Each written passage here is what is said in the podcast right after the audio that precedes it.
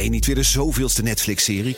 Kom naar de Monday Moves van BNR. Op maandag 18 maart zal op het podium Arend-Jan Boekenstein, Michal van der Toren, Geert-Jan Haan en Bernard Hammelburg.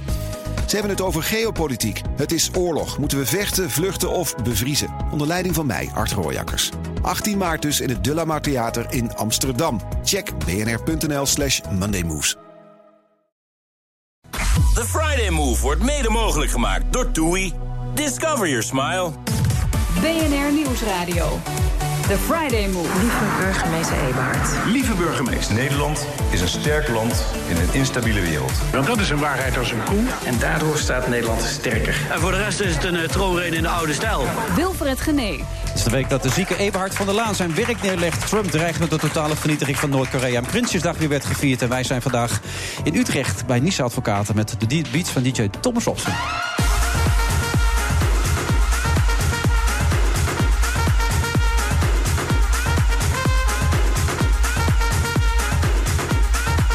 Heeft een missie. Creativiteit stimuleren. De presentatrice, ondernemer en kunstenaresse. Ja, wel degelijk zit vandaag weer hier bij mij als co-host. En ook Johan Cruijff is na zijn dood nog steeds onverminderd populair. Daarmee is er een nieuw boek met zijn bijzondere visie geschreven door Jaap de Groot.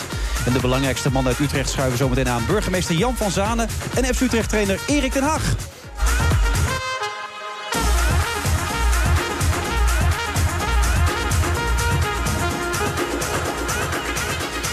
Dan op vrijdag 22 september. Ik zei het vanuit het kantoor van Niesing Advocaten. Die hebben een nieuw pand geopend. Prachtig pand natuurlijk. Mensen ontzettend blij. Juichende mensen allemaal hier.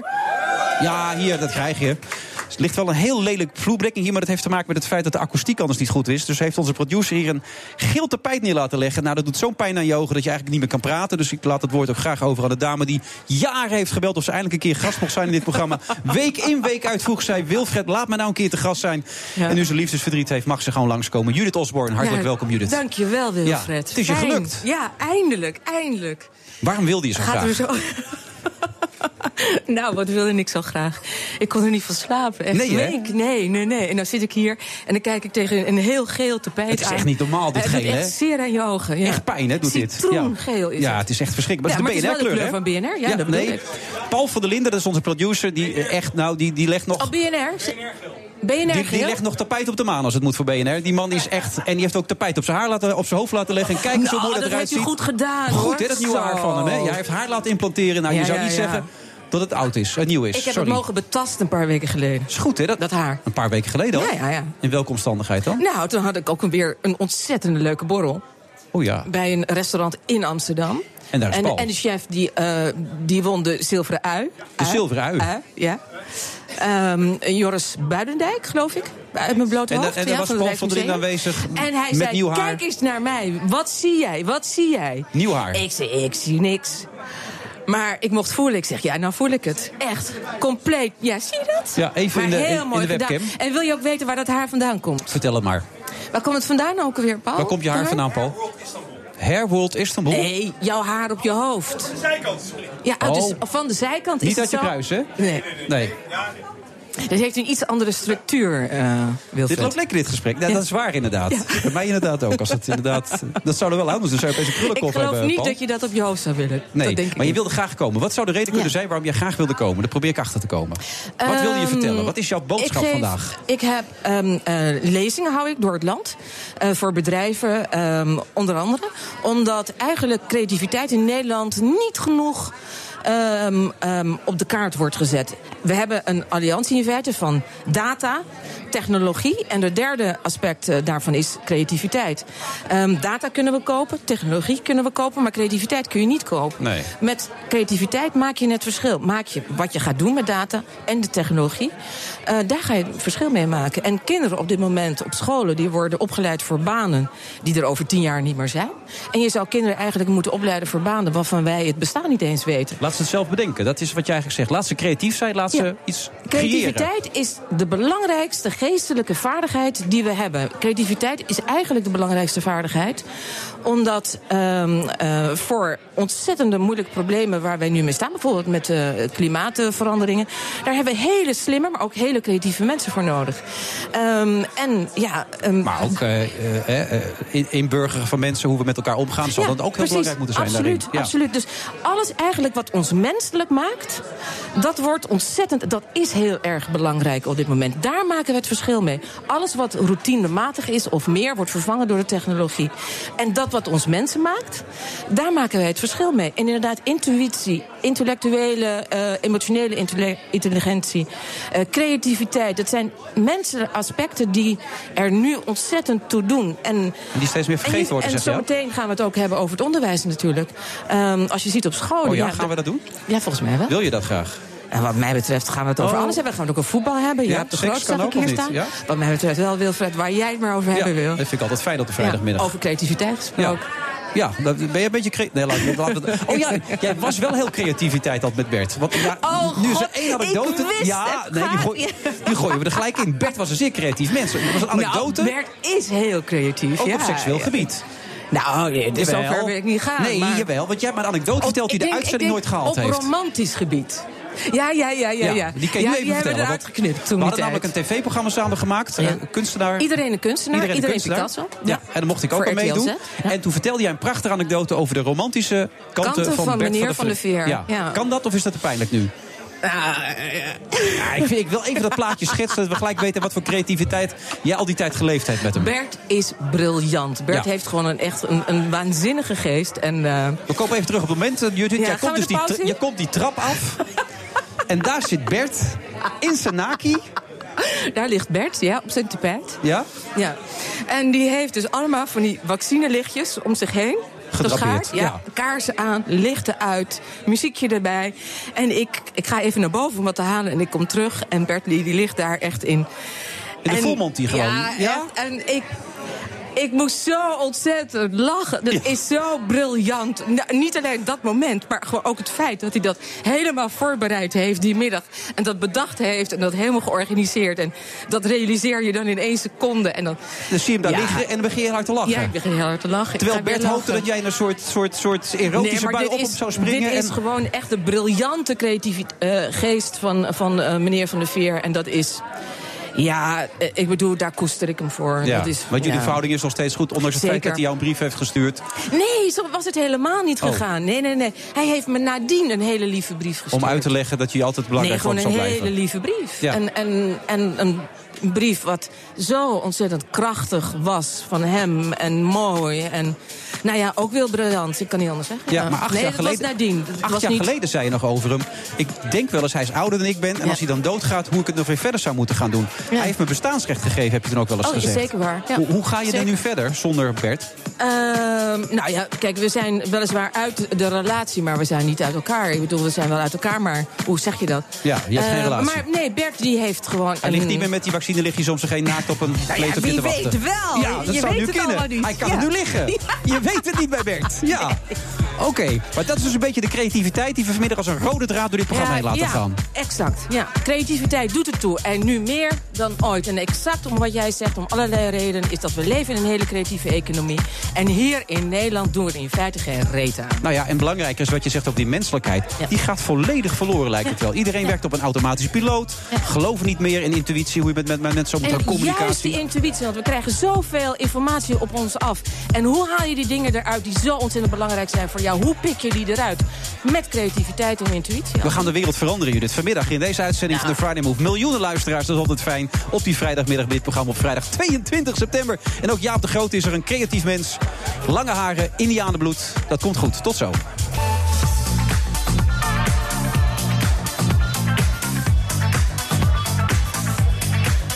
U luistert naar de Friday Move van vrijdag 22 september. We zitten bij Niesing Advocaten in Utrecht. En naast me zit nog steeds Judith Osborne. Die een klein beetje ziek is, Judith, of niet? Zie ik dat goed? Een beetje grieperig. Beetje grieperig. Is dat te zien? Nee, het is niet te zien. Je hebt het goed weggeplaneerd. Niks aan de hand dus wat dat betreft. En naast je zit Jaap de Groot. En die ken jij goed, begrijp ik, hè? Ja, wij doen wel eens eh, ballen samen, ja? Wat doen jullie samen? Ballen? Bitterballen? Bitterballen. Oh, bitterballen. Een beetje bubbels erbij, dat, Ja? eh, daar is ze van. Ja. We gaan al hoe lang terug? 15 jaar? Oh, way back. Ja. Maar het is niet... Want een van de gasten had je gezegd dat je het een enorme eikel vond. Dat is Jaap dus niet, toch? Nee, want ik weet dat Nee, nooit. Een Dat, beukennoot. nee, maar jullie zien elkaar graag op feestjes. Ben je altijd zo openlijk, eh, Wilfred? Je kent me toch een beetje inmiddels, Ja, of niet? Ja, is waar. Nee, maar even zonder gekheid. Eh, Jaap en jij gaan een long way back. En wat, wat voor gevoel levert Jaap jou op dan, als je hem ziet? Schaatsen. Schaatsen, Ja, winter. winter. Bitterballen. Ja. Ja. Nou, Jaap zit zelf gelukkig ook heel verbaasd te kijken. Want die associatie heeft hij ook niet helemaal bij zichzelf. Nee, nee, nee. Wij, wij doen wel eens eh, bitterballen samen. En een Ja. biertje en een wijntje. En een Maar je hebt een goed gevoel bij hem. Fantastisch gevoel. Is het een creatief mens? Ja. Ja, hoeveel boeken heb jij geschreven, Jaap? Oeh, een stuk of zes, zeven. Ja. Ja, klopt. Vind je jezelf ook een creatief mens, eh, Jaap? Ik ben een snelle denker. Het, eh, het heeft ook met mijn vak te maken. Ik ben natuurlijk journalist die eh, heel veel tegen de deadline aangewerkt eh heb. En, ja, en, op, op ja, laatste moment knopen moet doorhakken. Dus ik kan dat betreft snel schakelen. Maar dat doe je al een tijd. Hè? Wij, wij hebben het er net over, Judith en ik, dat mensen op een gegeven moment... dat zie je ook vaak in bedrijven en organisaties... dan een beetje vastlopen en in een soort routine terechtkomen... en hun menselijkheid kwijtraken, hun intuïtie niet meer helemaal geloven. Hoe is dat bij jou dan? Nou, ik zeg altijd, kijk, ik ben begonnen als een eh, sportverslaggever met een bloknoot en een eh, pen eh, bij een kleedkamerdeur. En daarna ja, heb ik boeken geschreven, ik heb radio gedaan, ik heb filmdocumentaires gemaakt, ik, heb galas georganiseerd, ik heb evenementen georganiseerd. Eigenlijk continu dingen gedaan om de vervelende stap voor te blijven. Met mijn persoonlijk hoogtepunt natuurlijk het winterbal in 2003 in het Concertgebouw. Omdat ik met mijn vriend Raoul Heertje eh, ooit het idee had opgevat om een keer een voetbalwedstrijd in een theater te organiseren met de Nederlandse opera erbij. En eh, toen bij het afschrijven van Aaron Winter konden we dat toepassen met Ronaldo, de grote der aarde, in het, het mooiste gebouw van Amsterdam, het Concertgebouw, met Nederlandse opera. En ja, dat eh, kwam alles samen. Mijn liefde voor geschiedenis, mijn liefde voor muziek en eh, mijn liefde voor voetbal. Zijn creativiteitstest is geslaagd bij deze Judith, of niet? Ja, maar het is wel 15 jaar geleden. hè? Dus je vindt dat hij die weer, weer zoiets moet organiseren? ja, het wordt weer hoog tijd weer voor zoiets. Eigenlijk Ja. mag je niet tevreden zijn, niet op je lauweren rusten... maar je moet Nou ja, juist weer opnieuw die uitdaging gaan is zoeken. het. Dat is het knappe van Judith. Ze weet, weet me elke keer weer te triggeren. Dus, eh, Dus, ja, wanneer morgen, ga, iets- ik- morgen ga ik aan de bak. Ja, en dan komt er ook binnen nu en twee jaar hebben we een nieuw soort winterbal. Iets nieuws weer. Nou, nu je het zegt, ik ben wel met iets bezig, ja. Oh, vertel. Nou, nee, dat kan ik nog niet vertellen. Jawel omdat joh, je bent niet- onder elkaar, vrienden. Maar waar moeten we aan denken? Aan een, aan een Eh, film? aan, aan- nee, aan eh, Ziggo Dome. Oh, oh. Ziggo Dome? Ja. En dan ga je een paar van die voetballers op het podium daar iets laten doen. Ik- Ik ben nog bezig met het, eh, met het format. Ik ben er nog niet uit. Ik ben gevraagd eh, omdat... Ik heb ooit in met Craig Johnson, eh, jou misschien wel bekend... eh, de eerste Australië het Engels elftal haalde... die toen bij het grote Liverpool speelde... hebben we toen de Sixers be- bedacht. Hebben we toen in de Oh Amsterdam ja, dat Arena... heb ik gepresenteerd. De Euro Sixers. Ja, de Euro Sixers. En ja, er zijn mensen van de Arena die dat toen hebben meegemaakt. En daar is 6 tegen 6 was dat, was voor mensen die zes, niet maar met- heel, Ja. heel veel entertainment, heel veel grote ploegen. innovatie ook met, met jumbo screens. En eh, nou, de, de Ziggo Dome heeft gevraagd of ik weer iets in die richting kan, kan bedenken. Dus ik wil geen herhaling, maar kijken of ik iets nieuws kan doen. En denken we dan aan 2018 of 2019? Nee, eh, de bedoeling is eh, januari 2018. Dat is snel, ja. Ja, ja, maar dan weet goed. je nu veel meer. Nee, nee, nee, echt niet. Over vier maanden, hè? Nee, nee, nee. De datum, de, eh, mo- mogelijke datum is geprikt. Ik moet eh, half oktober eh, moet ik zelf aangeven of ja of nee wordt. Dus ik heb alle tijd. Nou, alle tijd. Half Nou, oktober. ja, dat bedoel ik, ja. maar, vier maar- maanden, maar ik heb net gezegd, ik, ik, ben het, ik voel me prettig als ik tegen een deadline aan zit. Oh ja, want dan gaat die creativiteit eh, loskomen. Ja, dan gaat het in, gaat het in zijn zes. Ja. Maar hebben we hier nou een primeur dan in januari 2018? Groot Nou nee, want het is nog niet zeker, maar het hangt in de lucht. Hangt in de In de lucht. Ziggo Dome. Ja. Iets wat lijkt op de Euro Sixers ook. dat Eh, komt op- het, gaat, het wordt iets met entertainment en sport, ja. Ja. ja. Nou ja, een kleine primeur dan. Zullen we het daarop houden? Heel klein, gewoon niet te groot. Half oktober gaat hij beslissen. Hoe, hoe is jouw leven na Johan Cruijff eigenlijk? Eh, eh, eh, interessant, heel interessant. En eh, ja, wat je van meerdere mensen hoort die eh, dicht bij hem gezeten hebben, dat. eh, ja, ze Maar vaak- mis je hem? Mis je hem? Dat is Nou, meer mijn nou, dat vraag. wou- eigenlijk het, het, missen is niet echt het woord, weet je. Want je wordt eigenlijk el- elke dag word je er nog mee geconfronteerd. Je ontmoet mensen die erover beginnen. Je wordt geconfronteerd met zaken waar je denkt... hé, hey, vrek, dat, eh, dat was zo. En eh, dat ging zo. En eh, nou, je hebt natuurlijk nog contact met de familie. Dus, Ja. dus maar ja, jij en Johan waren één, hè? Dat mag je geruststellen. Jij was Johan eigenlijk een beetje. Johan was jij. Toch? ja, Jo- Johan mocht Jaap zeggen, ja. Ja. En jij noemde jezelf als Johan. Of, of ging het niet zo ver? Nee, Nee? nee, nee. nee, nee. ik denk dat dat ook wel onze kracht was. Dat, dat eh, we alle twee wat dat betreft zijn eh, verschillend. En eh, we vulden elkaar goed aan. En we durfden elkaar de waarheid te zeggen. En dat, dat was heel prettig. Maar, maar kon je hem begrijpen? Kon je hem altijd volgen? Want Eigenlijk was het voor heel veel mensen heel lastig om Johan altijd te volgen. Ik weet niet of jij hem kon volgen, Judith, maar niet iedereen kon hem volgen. Nee, maar dat- het punt was, Johan was altijd heel duidelijk als hij boos was. En als je in een soort competitieve situatie manoeuvreerde. Op het moment dat je onderuitgezakt eh, op de bank lag eh, er zat... en je begon met een glaasje wijn, dan, dan, dan was het relaxed. Maar als het praten om het praten werd... Echt, eh, zeg maar, het kon wel eens in interviews gebeuren... dat zeg maar, de, na het eerste kwartier het scherpte eraf was... ja, dan kreeg je een probleem. Wat mis Maar- je nou het meest van hem? Ja, toch wel, toch wel zijn vitaliteit. Kijk, eh, het is een man van negen, een jonge, jonge vent van 69 overleden. Hij was, had de geest van een, van een, van, van een teenager. Elke dag, ik, ik heb het je wel eens verteld, de 2 maart, eh, drie weken voor zijn dood, besloten was ik in Barcelona. was de laatste dag dat we bezig waren met het boek eh, Mijn, eh, Mijn Verhaal. Toen hoorde ik dat, dat Max Verstappen aan het testen was op het circuit de Catalunya. En toen zei ik, nou, zullen we even heen gaan? Ik Max gebeld, ja, leuk, eh erheen. En dan komt dus een man van 69 binnen met een jongen van, van 17, 18 jaar. Ja, en, en dat was een klik. Er was, ja, de man die zo open had kunnen zijn, was eigenlijk een, een gelijke. De ene fascineerde de ander en andersom. En Johan ging nog even uitleggen dat hij iets met eerder moest insturen... en iets eerder moest remmen in de bocht. Nee, nee, hij, nee, nee, hij was heel, nee, nee, hij was heel fair. Hij zei, nou, ik heb ook ooit op dit circuit gereden. Ja. En eh, toen vroeg ik na afloop eh, aan, de, aan de, een van de coureurs van... eh, nou, hoe is de tijd? Is het een goede tijd, slechte tijd? Hij zei, nou, nee, had die andere geantwoord, nee. Ik heb vorige week dezelfde tijd gehad, in, gehaald in achteruit.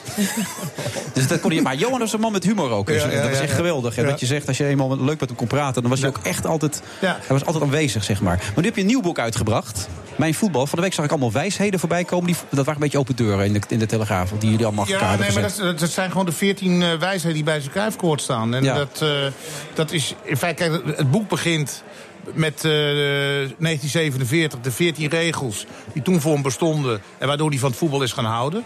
En we hebben noem er eens twee of drie waarvan je dan die open deur een beetje dat gevoel krijgt. Dat gevoel kreeg ik toen ik zo zat voorbij te komen.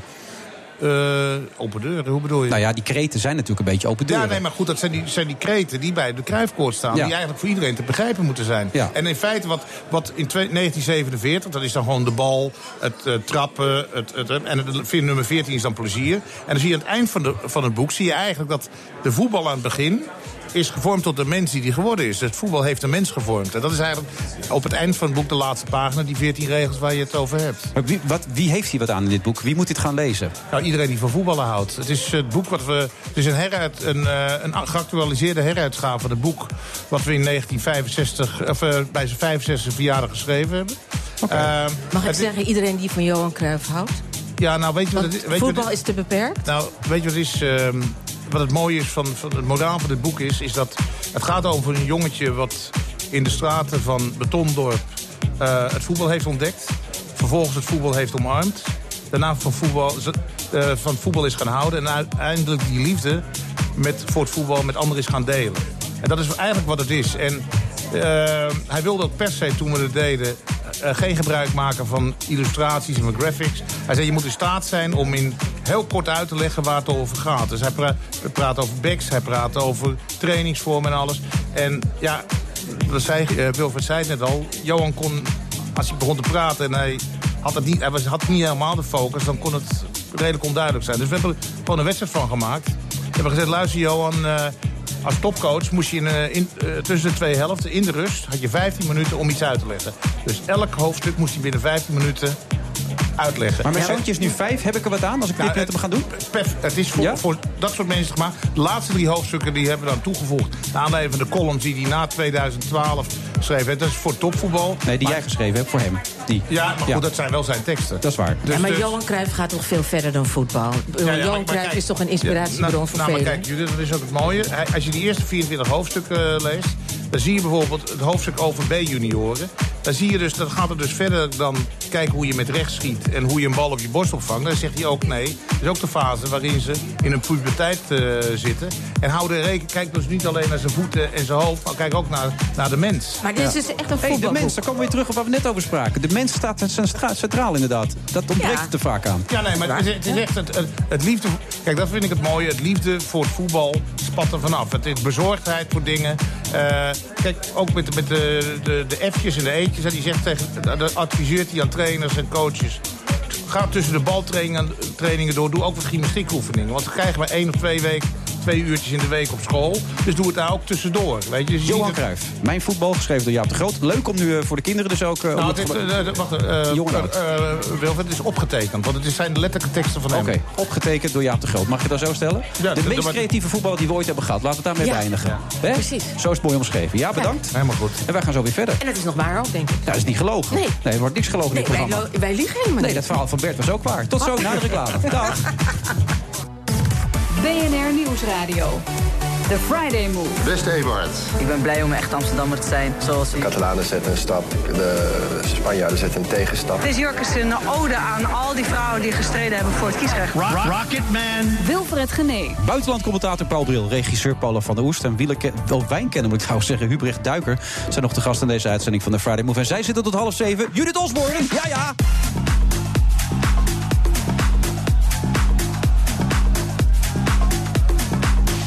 Live vanuit eh, Utrecht. Straks ook nog FC Utrecht, ook de burgemeester van Utrecht. Utrecht komt hier goed aan het eh, woord zometeen. Maar ook onze eigen muziek van DJ Thomas Robson.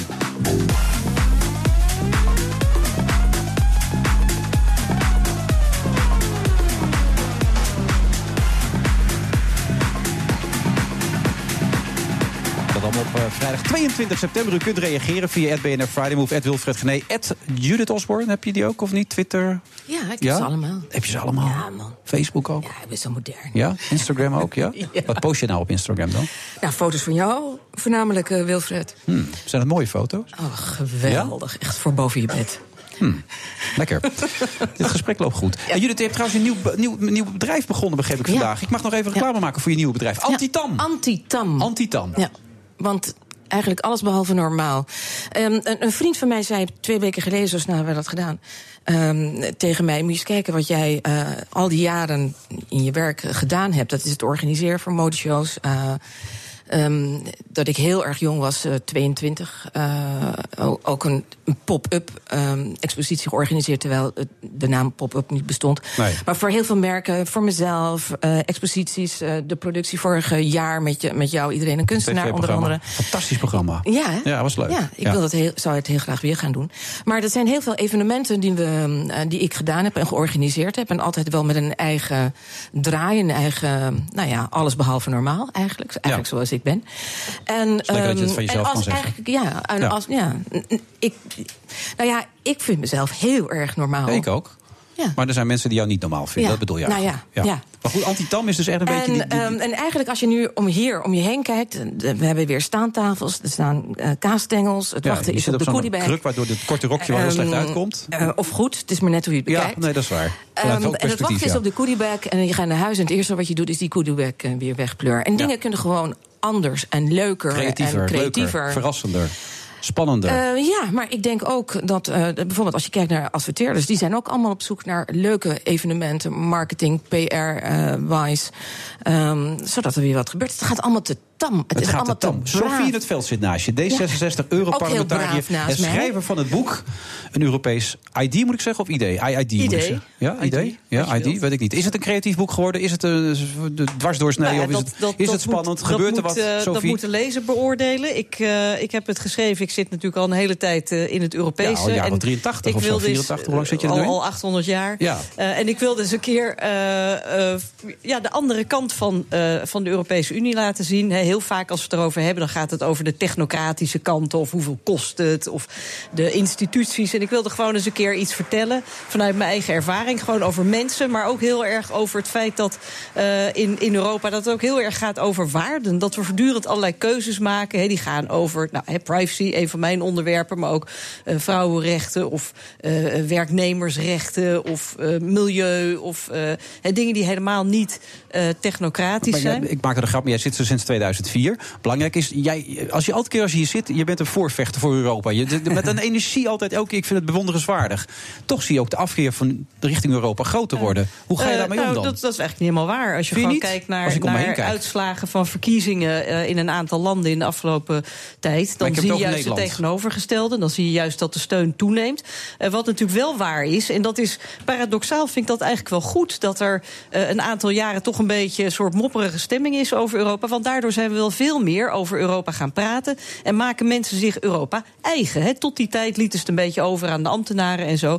Uh, nu hebben we het erover. En ik denk, wat ik met mijn boek wil bereiken, is dat we niet meer alleen maar gaan discussiëren over, over uh, instellingen en, en over de begroting en zo. Maar ook over wat voor soort Europa willen wij. Als we bijvoorbeeld, we maken veel Europese wetten die gaan over het internet. En dan wordt er gezegd, bijvoorbeeld bedrijven die moeten uh, haat zaaien of, of onwenselijke content moeten ze van het internet afhalen. Nou, oké, okay, daar zijn we het snel over eens. Maar wat is dat dan, onwenselijke content? Nou, mm -hmm. he, in Nederland heb je dan een, een discussie in de Tweede Kamer. Wij hebben een discussie in het Europees Parlement. Maar we hebben heel weinig een, een echte discussie onder Europeanen van wat zijn nou onze waarden? Wat vinden wij nou belangrijk? Vinden we privacy belangrijk? Vinden we vrijheid van meningsuiting belangrijk? En hoe dan? Hoe geef je dat dan vorm? En vaak realiseren mensen zich weinig. He, bijvoorbeeld de begroting.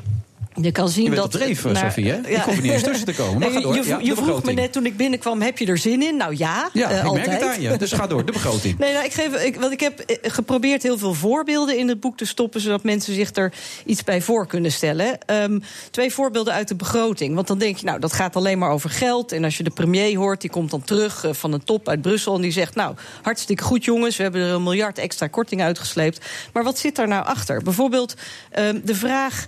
Uh, Europa is een van de grootste donoren van uh, humanitaire gelden. Uh, wij geven bijvoorbeeld geld om steun te geven aan de vrouwen die zijn ontvoerd en verkracht door Boko Haram. En dan is de vraag: mag dat geld ook gebruikt worden om ze een abortus aan te bieden? Of mag subsidie voor wetenschap. Wat is daar het antwoord op? ja? ja?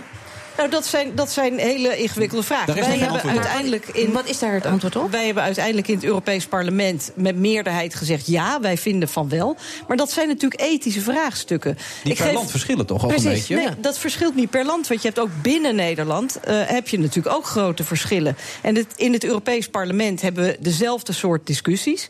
Um, en ik vind het heel belangrijk dat ook alle burgers zien... Uh, dat er dit soort vragen gesteld moeten worden. Bijvoorbeeld uh, een, een ander... Um, Um, uh, een andere kwestie die iedereen misschien van de zomer uh, heeft kunnen volgen... van dat babytje in het Verenigd Koninkrijk, Charlie Gard. Ja.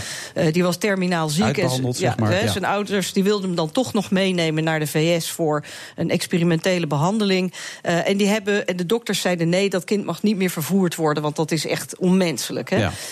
uiteindelijk is dat voor een Europese rechter gekomen... het Mensenrechtenhof in Straatsburg... en die heeft daar een uitspraak over gedaan. En dan denk ik, um, ik vind dat heel erg goed dat dat gebeurt gebeurd. Hij heeft dat gedaan op, op basis van uh, Conventie voor de Rechten van de Mens. Maar het is toch eigenlijk heel gek dat wij zeggen: ja, maar uh, dat soort medisch-ethische vraagstukken, daar mogen we in Europa niet over discussiëren. Het is juist heel belangrijk dat rechters kunnen voelen van ja, wat is de temperatuur in de samenleving? Hè, op welke basis neem ik dat soort. Je zegt dat gaat niet per land, maar dat moet in een Europees gevoel ja, ingebed ook, zijn. Ook binnen Nederland uh, kan je toch zien dat er, en dat is ook goed, hè, want wat Judith net zei, uh, geeft het eigenlijk al aan. Wij zijn geen eenheidsworst in Nederland nee. niet en in Europa ook niet. We zijn allemaal verschillend. Maar we, we hebben verschillende meningen. te worden, zegt jullie tegelijkertijd ook in Nederland, toch? Dat is het gevaar wat er in Nederland ontstaat. We worden eenheidsvorst toch ook een beetje op dit moment. Dat is de angst die jij hebt. Nou ja, nee, nee dat, eigenlijk is het, gaat het er gewoon om dat we te weinig doen met. Waar het om gaat is over gevoel, inderdaad. Over, over je mening, over wat je, wat je vindt. En over gewoon. Ieder kind wordt uh, geboren met een hele enorme grote creativiteit. Als je vijf bent, heb je een creativiteit van 98%, zodra volwassen nog maar twee. Er gaat iets enorm mis daar. En eigenlijk wat we hier ook over hebben is dat je gewoon heel erg gewoon kritisch gaat nadenken um, over wat wil ik, wie ben ik, waar wil ik naartoe en hoe kom Ja. ik daar. Maar voel jij wat- Europeaan bijvoorbeeld? Nee. Totaal niet. Nee, ik, ik voel me ook. Ik ben Nederlands, maar of ik me nou Nederlands voel, nee. Ik voel mij gewoon. Ik, Judith. Osborne. Ja. Wereldburger. Ja, een wereldburger. Ja, ik, Maar Jij voelt je wel ik- Europeaan, Ik, ik voel me Sophie. Nederlander en Europeaan. Ja. Eh, Ik voel me heel veel dingen. Maar dat sluit elkaar ook helemaal niet uit. En ik denk, de discussie in Nederland over nationale identiteit is een beetje defensief. Hè. Gaat heel erg over, nou, ik zal maar zeggen, een beetje grappend eh, drop en stroopwafels en, en klompen. Terwijl het zoveel meer is dan dat. Ja, maar leven we En- niet in een, in een transwereld? Zijn we niet allemaal trans? Zijn we niet allemaal. Nou ja, maar ik denk, Ik bedoel- nee, want kijk, nationale identiteit is iets wat mensen voelen. Alleen de laatste tijd lijkt het wel alsof dat de enige dimensie is van onze identiteit. Terwijl we zijn ook Europeanen. En als jij het hebt over creativiteit. Een van de kenmerken van Europa is nu juist onze diversiteit. Want dat maakt ons innovatief, dat maakt ons creatief, dat maakt ons competitief. Uh, en het is ook belangrijk dat we dat erkennen. Tegelijkertijd, met al onze diversiteit, kunnen we ook heel goed samen he, in de Europese Unie, dus als een politieke identiteit, dit continent vormgeven. Ja. Maar hoe, hoe creëren we meer Europese identiteit dan? Je noemde een aantal voorbeelden, maar er gebeurt ook heel veel. Je hebt het er ook over in je boek, volgens mij globalisering, digitalisering enzovoort. Wat heeft nou de meeste invloed daarop dan? Ja. Nee, nou, er zijn op dit moment hele ingrijpende, grote, snelle veranderingen gaande op heel veel vlakken. Globalisering van de, van de economie, maar ook de digitale revolutie, die net als de industriële revolutie eigenlijk de hele maatschappij op zijn kop zet. De wereld wordt steeds kleiner. We hebben steeds meer met elkaar te maken door telecommunicatie, mobiliteit. Uh, de geopolitieke situatie verandert. He, dus je ziet dat waar vroeger de Verenigde Staten eigenlijk ja, met ons altijd automatisch een bondgenootschap hadden en een beetje voor ons zorgden. He, daar gingen we ook altijd wel een beetje vanuit. Maar waarom is Europa dan zo belangrijk? Als de wereld zo klein omdat, wordt. Omdat, omdat wij, uh, uh, juist als je je eigen waarden, dingen die wij belangrijk vinden, gelijkheid, solidariteit, maar ook he, dingen als privacy, uh, sociale rechten, milieu, alle dingen die voor Europeanen heel belangrijk zijn, als je die in de wereld overeind wilt houden, dan, dan moet je dat met Europa als geheel doen. We zijn met meer dan 500 miljoen. Bent. Ja, dan heb je gewoon een veel, veel zwaardere stem. Uh, en zeker als je ziet dat Europa, he, de bevolking van Europa als deel van de wereldbevolking, is aan het krimpen en aan het vergrijzen. Dus ja, dan, he, ik zal maar zeggen, zoals vroeger de korfbalclub ook heette, uh, samen sta je sterk. Uh, nou, dat geldt in Europa natuurlijk ook. Dat is wel een Nederlands voorbeeld dat we in de korfbal erbij te halen. Dat worden elk jaar wereldkampioen, omdat de rest helemaal geen hout voor kan in Europa. Dus nee, dat scheelt dan wij, wij, ik zit ook weer gelijk te denken, korfbal is toch de enige sport met uh, mannen en vrouwen in één team, hè, geloof ik. Of mag je dat ook niet meer? Uh... Dat, dat klinkt wel heel modern uh, dan precies, meteen, ja. ja. Maar je schrijft ook van uh, Europa neemt ons niets af. We krijgen er alleen maar dingen bij. Wat krijgen we erbij dan? Nou, ik denk, ze nemen ons onze Nederlandse identiteit maar niet die af. angst is er heel veel, hè? Maar dat is dat, is dat erg? Maar nee, maar kijk, ik voel me, uh, ik voel me 100% Nederlander, uh, Hollander. Maar ook 100% Europeaan. En je krijgt er gewoon een dimensie bij. Ik heb in mijn boek heel erg proberen te beschrijven hoe het bijvoorbeeld in het Europees Parlement, hè, dat is een soort microcosmos met alle verschillende landen, alle verschillende politieke partijen, politieke culturen. Een beetje proberen uit te leggen hoe dat werkt als je in, in zo'n ja, veelkleurige omgeving werkt. En dan zie je dat als mensen elkaar één op één leren leren kennen... dat je dan eigenlijk, ondanks alle verschillen... dat je veel meer gemeen hebt dan dat je denkt... en dat je heel goed kan samenwerken. In 2004, dat is al best een lange periode... maar je bent je energie er niet op kwijtgeraakt. Hè? Je bent niet gedesillusioneerd geraakt. Nee, maar het is... Het is uh, ik, ik, ik hoop eigenlijk het enthousiasme... misschien ook via het boek uh, te delen met mensen... en ook een beetje... Is geen droge kost, je wordt er ook wat vrolijker van. Je, je krijgt er een lekker Europees gevoel van. nou ja, het is creatief geschreven. De het is, die, spannend. er zijn mensen die hebben het meteen gekocht van de week... en het snel gelezen lezen en die reageren allemaal enthousiast en zeggen van uh, ja, zo had ik eigenlijk nog nooit naar maar Europa dat niet je gekeken. naaste familie. Nee, niet, ook mensen die er iets van Niet mijn naaste familie. Nee, nee dat is altijd belangrijk, hè? Dat je kritische mensen om je heen hebt. Ja. Ik heb alleen maar kritische mensen om me heen. Uh, ik, heb, ik heb heel veel kritische mensen om me heen. Dus, uh, en juist daarom weet ik hoe belangrijk het is. Maar ook uh, ja, hoe, hoe leuk en divers, veelkleurig Europa is. En hoe, hoe we eigenlijk ontzettend veel kansen hebben. Als we, als we die kansen durven te grijpen, samen als Europeanen. Want we hebben eigenlijk al heel erg veel voor elkaar gebokst. Dat vergeten we wel eens. Maar wij Europeanen hebben echt al veel gepresteerd. En dat kunnen we ook. Dit zijn werkende teksten, Sofie, hoor. En dit is echt euro? lekker, dit. En ja, de voor de vrijdagmiddag. Blijft de euro... Uh... Uh, ja, ik, ik denk het wel. De euro is eigenlijk door, door hele woelige tijden gegaan. We hebben een enorme crisis in de eurozone ja gehad. nee maar, de, maar de euro, de, ik denk de euro is eigenlijk, als je er goed naar terugkijkt... opmerkelijk stabiel gebleven in, in al die turbulentie. Sofie denkt dat de euro blijft, als je Ja. het zo hoort. Maar ze kwam Ja. hier voor haar boek.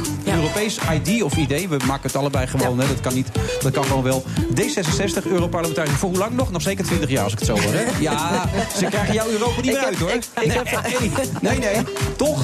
Ik heb geen glazen bol, maar eh, ik, ben, eh, ik heb nog steeds een enorme passie voor, eh, voor de Europese Unie, voor Europa, voor de Europeanen.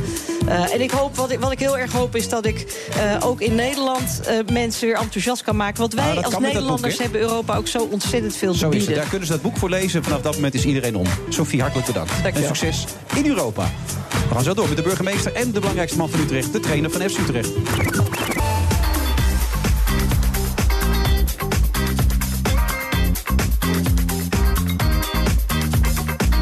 Is vrijdag het 22 september. We zitten bij uh, de nieuwjaarsborrel van uh, Niesing Advocaat. Dat alles heeft te maken met het feit dat zij een uh, nieuw pand hebben geopend. Daarvoor is de burgemeester hemzelf er naartoe gekomen, Jan van Zaan. Ik mag Jan zeggen, heb ik zojuist gehoord. En de andere burgemeester van Utrecht is natuurlijk Erik ten Hag.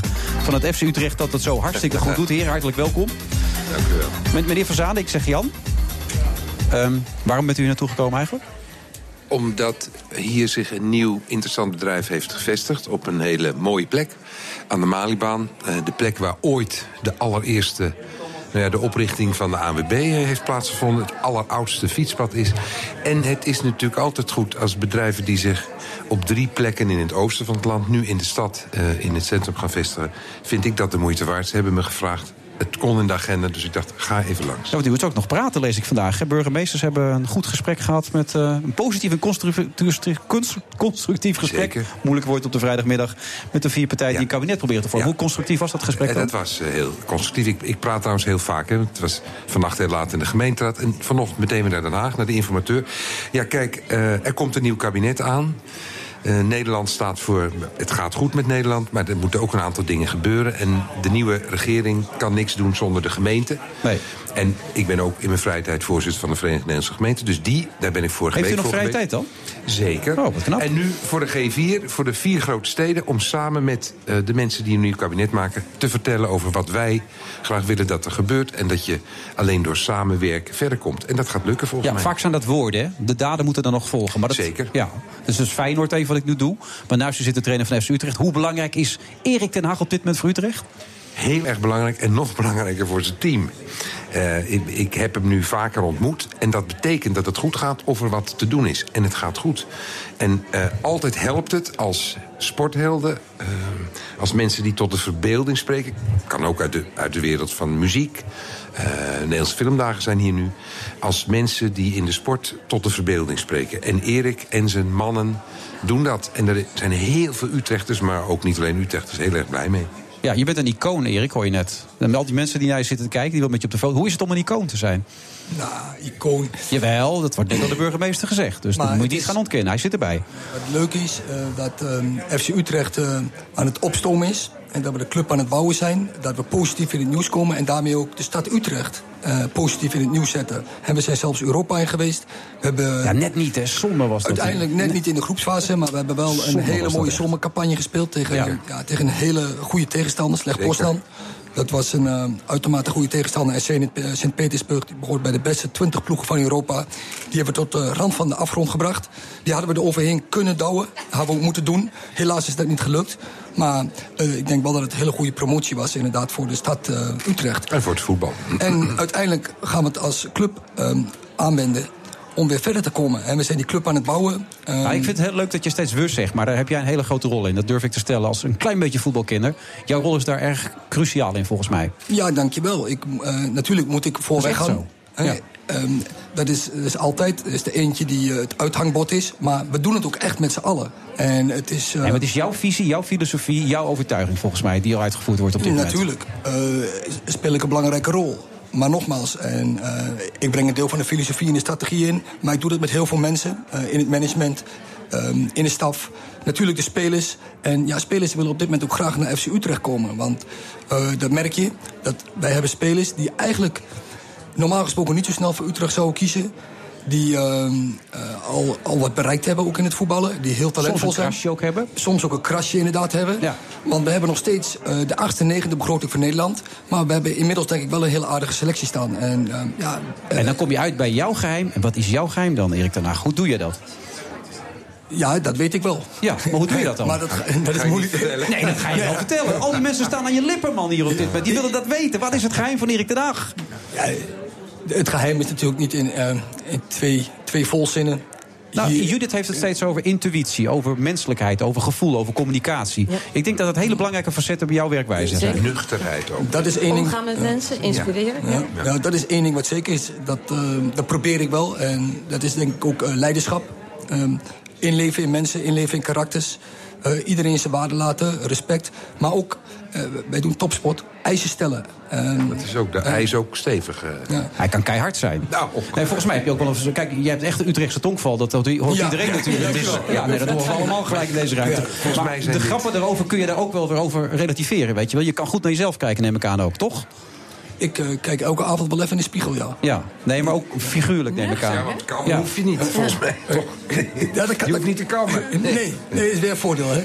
Maar eh, Erik, wat ik, ik bedoel het eigenlijk. Jij hebt wel eens gezegd: een van mijn sterkste punten, Judith, is mijn zelfspot. En dat is volgens mij een hele belangrijke eigenschap voor mensen om succesvol te kunnen zijn, toch? Ja, ik denk dat het heel belangrijk is om, eh, om dingen te relativeren, inderdaad. En, en we gaan allemaal naar het toilet. En ik denk inderdaad, je kunnen verplaatsen, empathie in andere mensen, dat het heel erg belangrijk is.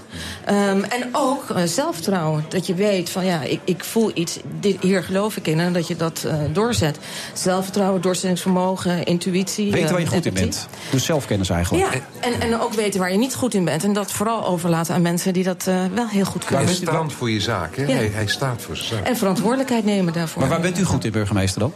Moet u moeten anderen vertellen, want ik zit dan weer in het bestuur en dan moeten de Nee, anderen nee, nee. vertellen. We hebben En het waar over ik goed in ben- zelfkennis. Zelfkennis, dus betekent dat je ook van Eh, jezelf weet wat je kan. discipline. ehm, en ik denk ook wel uithouden. En timing. Wanneer zeg je wat? Wanneer druk je? Wanneer blijf je even rustig? Timing in, in het contact met mensen op moeilijke momenten, op plezierige momenten. Ik denk dat dat discipline hard Maar dat werken heeft u en moeten leren. Is uw timing nu optimaal als je het vergelijkt met pakken bij tien jaar geleden? Beter, aangescherpt. En natuurlijk, dat hangt ook een beetje van de plek en de situatie af. Maar hij is beter geworden, dus dat kun je wel ja, stellen. Ja, ik neem aan dat ik nog bijleer. Anders gaat het gauw mis in mijn vak. Want iedereen kan mij volgen, echt tot op de seconde. Zo hoort het ook. Denk je dat het een goede burgemeester is, Erik? Ik weet het wel zeker. Waarom weet je dat zeker dan? Nou, ik denk dat hij eh, inderdaad eh, voor de stad staat. Ik denk dat hij het heel goed kan, eh, over de bühne kan brengen. Hè, vooral een verhaal over de bühne kan brengen. En ik denk dat het iemand is eh, met, een- met een visie ook. Hè, en die eh, richting de toekomst. eh, en dat dan ook heel goed kan verkopen.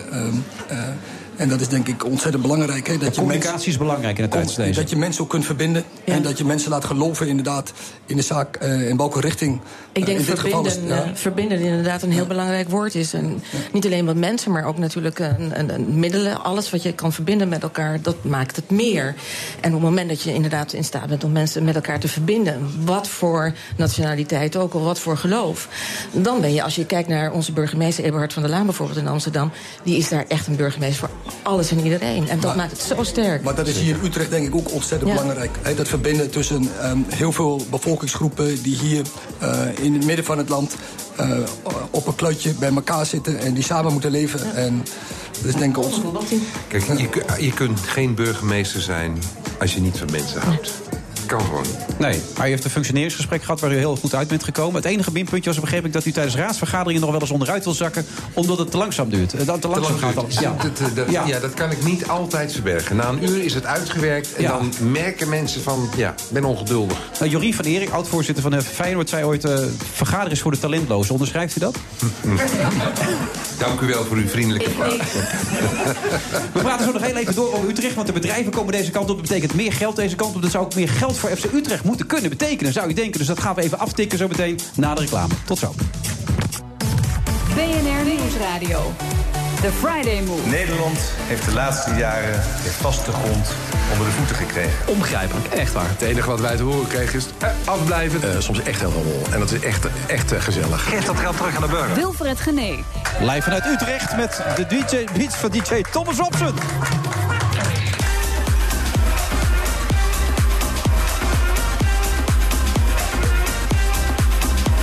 Osborne is, eh, Judith is creatiever dan ooit. En het is haar missie geworden maar creativiteit te delen met anderen. Tot half zeven, daar gaan we vanuit, is ze mijn co-host. Klein beetje verkouden, dat houdt ze vol. Filmmaker Paula van Oester komt op dan ook nog langs. Is dit filmfestival genomineerd voor zeven gouden kalveren voor Filmtonio.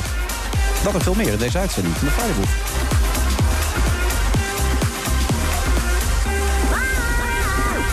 Op vrijdag 22 september we zitten nog steeds op het eh, nieuwe kantoor van Niesing Advocaten. Waarvan Judith nog steeds zegt: het had creatiever gekund, Judith. Hè? Ja. Het had creatiever gekund. Ja, dat vind ik wel. Ja, ja, dat vind ik wel. Ik weet niet hoe iedereen hierover denkt. Ehm, ik zie allemaal hele blije gezichten, maar ook iedereen is aan de wijn.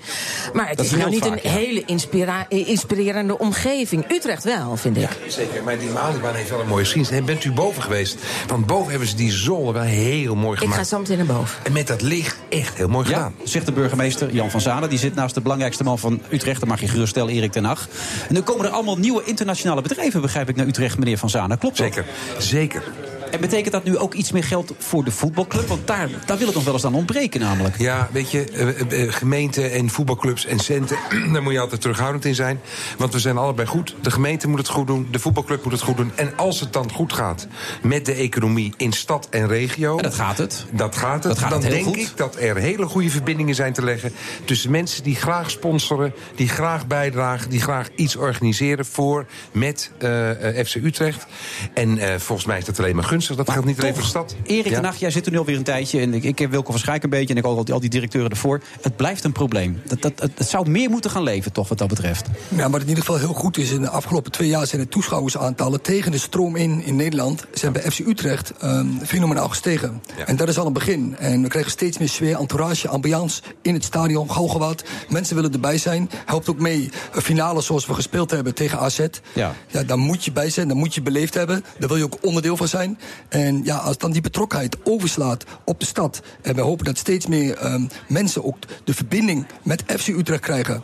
En dat daar vervolgens ook de sponsoren een steentje gaan bijdragen. Ja, dat zou heel prettig zijn. Maar leeft het voldoende? Of zitten hier een heleboel liefhebbers van andere clubs dan in de stad? Ja, dat is wel een beetje de Ja, verdeeldheid. meneer Van Zanen, ik mag Jan zeggen, zit te lachen En, nu, hè? en FC Utrecht ehm, die wil daar ook ehm, eh, beleid in maken. En die wil steeds sterkere verbindingen hebben, vooral ook met de amateurverenigingen. En daar willen ze ook inspanningen verrichten, zodat op jonge leeftijd jongetjes al een verbinding krijgen met FC Utrecht. En niet met Ajax en niet met Feyenoord. Hè? Ik heb Nee. liefde voor allebei de Maar clubs. dat, is hier veel Maar- aanwezig, heb ik de indruk. Maar hier in Utrecht, dan moet je drukken, hè, moet je supporten voor FC Utrecht. Ja, deze week Hercules nog eh, FC Groningen in het stadion. Nou, bijvoorbeeld, dat is zo'n voorbeeld ook hoe wij samenwerken. Dat wij dat, eh, we hebben dat gepromoot, dat eh, Hercules in het stadion van FC Utrecht speelt tegen FC Groningen. Zo moet je met elkaar ook samenwerken. Ja, die maakt het nog best lastig ook aan Groningen. Dus, en eh, dat ook nog, ja. want 2-4. Ja, Ja, het scheelde niks. het scheelde niks. Nee, want het is... Maar Jan, heb je het ook gezien of niet? Of heb je dat van horen gewoon- ik had, ik, zoals ik gezegd heb, ik heb tot eh, half één eh, zitten werken. Ja, Ja, sorry, dus eh, hebt ik het heb niet geen gezien. Ik Maar heb niet gezien, maar gewoon wel stoer te doen 2-4. nu. Ja, 2-4, je is hebt dat mag opgezocht. Ja, dat is waar. knap Nee, ik heb het natuurlijk gehoord, want maar er zijn dit weekend de absolute topper. Zeker. En wat gaan ze doen tegen PSV? Eh, ik denk 2-1. Nou, daar teken ik voor. Dat Ja. dacht ik al. Ja. ja. Ja, dat kan ik me wel goed voorstellen. En ik ook. En je, hebt, en je hebt wat recht gezet. Oké, de- deze week de beker gewonnen natuurlijk. Maar dat mocht dan ook wel. Maar vorige week tegen Twente, dat was eh, huilen met de lamp aan. Nee, daar hebben we het laten liggen. Nee, is, eh, geen excuus, die tellen nooit in, in, in topvoetbal. Nee. En we hebben deze competitie, hè, in deze zomercampagne, heel vaak laten zien dat we ook tegen hele goede tegenstanders heel goed kunnen presteren. Eh, een van onze doelen die we dit jaar gesteld hadden was om ook tegen de top. Hebben we afgelopen jaren ook vaak heel goed gespeeld, maar vaak te weinig meegenomen. Dit jaar willen we echt ook resultaat gaan halen. En deze selectie kan dat ook. Ehm, we hebben de boel fit. We moeten er vol voor gaan. En ik denk dat we een goede kans maken om eh, de punten hier te houden. Vanavond zit ik met Jan Boskamp. en Die heeft onlangs gezegd... als er één ploeg kan zijn die de top 3 kan bedreigen... is het FC Utrecht. Is dat te vroeg, dit jaar al? Of zeg je nou, dat zou kunnen? Nou, ik, ik, ik denk dat het eh, wat te vroeg is. Eh, Vooral ook omdat de budgetten ongelooflijk uiteenlopen. Eh, Utrecht heeft nog steeds het achtste, negende budget van de eredivisie. Wij leven al twee jaar ver boven onze stand. Ik vind wel dat wij een hele goede selectie hebben. Als we die groei, met name de mentale groei, doormaken... dat betekent ook vooral stabieler worden in alle wedstrijden. Ook als het een keer niet loopt, moet je ook de punten kunnen halen... zoals vorige week in eh, Twente. Ja, dan zou het kunnen. Maar vooralsnog hebben we nog wel een aantal eh, stappen te zetten en, Ja, en moet je ook zeggen. Je moet de druk ook niet te hoog maken. En dan doen wij dat gewoon vanavond weer. Vind je het goed dat wij weer ja, met gemak tot drie Utrecht... Dat Ja, maar dat, doen- dat doen jullie toch wel. Maar wij gaan onze eigen weg. Wij zijn heel objectief en neutraal, dat weet jij. Ja, is bekend. Nooit opportunistisch. Nog één ding, je zei net over de burgemeester is een man met een visie. Wat is de visie op Utrecht nu? Wat is uw visie op Utrecht? Waar wilt u naartoe? Eh, volgens mij eh, gaat Utrecht naar 400.000. Dan is de kunst om dat voor iedereen leefbaar gezond te houden. En wij zijn heel goed in gezondheid. De gezondheidssector, de volksgezondheid. Zowel preventie, opereren als nieuwe dingen uitvinden. Daar is Utrecht heel sterk in, in de Utrechtse regio. Dat is de toekomst. Utrecht ontwikkelt zich nog enorm. Healthy urban living, zeg ik ook maar voor Zo, de dat buitenlanders. teksten dat hoor. is dus gezond stedelijk leven. Daar dragen we aan bij. En vanuit deze plek ook hier op de Malibaan... waar het fietsen bij wijze van spreken is uitgevonden... althans de fietspaden en de ANWB... volgens mij gaat dat lukken. Dat is mijn visie op de stad. Nou, dit klinkt heel helder allemaal. De mensen zijn onder de indruk. Ik zie het, een glaasje wijn, maar ondertussen onder de indruk. Jij zit nou naast de burgemeester en de belangrijkste trainer... Ja. straks van het Nederlands elftal, weet ik zeker. Een topclub gaat hij trainen. Oh, absoluut. Jij moet nog een brandende vraag aan ze hebben. Ja. Wat zeg je allemaal? Heb je nog een brandende vraag aan ze? Nee, ja, ik, ik vind gewoon de passie fantastisch. En, en de hele. Ja, het, het verbinden, het, het menselijke aspect vind ik gewoon echt. Ook al hou ik niet van voetbal, maar ik ben om. Ik ben echt helemaal om. Nou, dat is fijn. Ja. Geen Ja. opmerkingen meer, geen vragen meer. Nee. Eén één vraag nog Ik vind wel Van weer genoeg over Waarom, voetbal, waar- eerlijk waarom wil je gezegd. eigenlijk burgemeester worden? Ja. Waarom wil iemand burgemeester worden? Waarom word je burgemeester? Ja, waarom? Waarom wil je dat worden? Omdat ik denk dat eh, ja, met mijn, wat, wat ik kan, waar ik aan kan bijdragen... ik ben altijd een beetje van de publieke zaak geweest... Eh, ja, zit ik hier op mijn plek. Ik, kijk, mijn vader is ondernemer, mijn moeder is verpleegkundige... en volgens mij is dat het beste vooropleiding voor burgemeesterschap. Ik doe het met heel veel liefde, ik hou van mensen... en ik hou van deze stad, dus ik vind het een grote eer om dat te mogen doen. Beetje dienen, beetje helpen. Beetje dienen, beetje helpen. Helpen, ja. Dus de, vrouw moet dan, de moeder moet een verpleegkundige zijn geweest... de vader ondernemer. Dat, dan ben je een goede burgemeester. Nou ja, in ieder geval mij, tot nu toe heeft luisteren. mij eh, zover geholpen. Ja, en waarom wil je voetbaltrainer zijn, Erik? Nou, eigenlijk had ik dan ook burgemeester moeten worden. vader is inderdaad onder- maar je moeder staat ook in de medische hoek, toch? Ja, ook verpleegkundige en Nou ja. ondernemer. Dus je wordt voetbaltrainer of je wordt burgemeester. Ja, dat is een ik- beetje... Ja. ja, duidelijk. Ja, we hoeven niet allemaal bij de televisie te werken, toch? Nee, nee, zoveel ijdelheid hebben jullie ook weer niet, toch? Nee, nee, er zit een, soort gradatie in wat dat betreft ook weer. Daar weet ik alles van. Mag ik jullie ontzettend bedanken. Succes dit weekend trouwens, Erik, tegen. PSV. En eh, ik, ik denk dat het erin zit. Dat stu- nou, het is niet eens een stunt meer eigenlijk. Eigenlijk is het niet eens meer een stunt dat Utrecht van PSV wint. Zover ben je al. 2-1. Ja, dat is toch wel bijzonder eigenlijk, dat je zo ver bent al. We zitten al eh, in een goede richting en dan moeten we verder gaan. Ja. Niet eens meer gespeeld te Ja, succes. Ja. Nou, dat zou ik niet zeggen. Half één moet je erbij zijn. Hier in Utrecht. Veel toeschouwers, hartstikke leuk. We gaan zo nog door. We hebben ook muziek. En we hebben eh, Judith natuurlijk. En nog tot de klok van half zeven. Eh, creativiteit, dat wordt nog het sleutelwoord. Tot zo.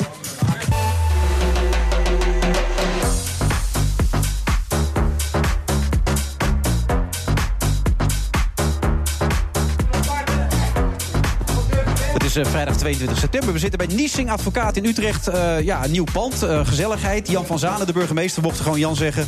En ook Erik ten Hag, die gaat dit weekend gewoon met 2-1 winnen. Hebben ze juist gehoord van PSV, dus dat kan niet kapot. En ze zitten nog steeds van Antitam. Daar kent u haar nu weer voortaan van. Judith Osborne. Dat is wel lekker, Antitam. Ja, Ja. alles behalve gewoon. Ja, ondertussen is eh, Paul Bril aangeschoven, buitenlandcommentator. Hartelijk welkom. Hallo. Hoi. Heb je er zin in? Ja, natuurlijk. Nou, Het zijn ontzettend spannende verkiezingen dus. Er is geen zak aan, toch? Oké, nou dat zal ik je dadelijk vertellen waarom. Nou, vertel eh, het maar. Waarom- nu- Ja, meteen, je bent er toch. Laten we blij zijn dat het saaie verkiezingen zijn. Hoezo?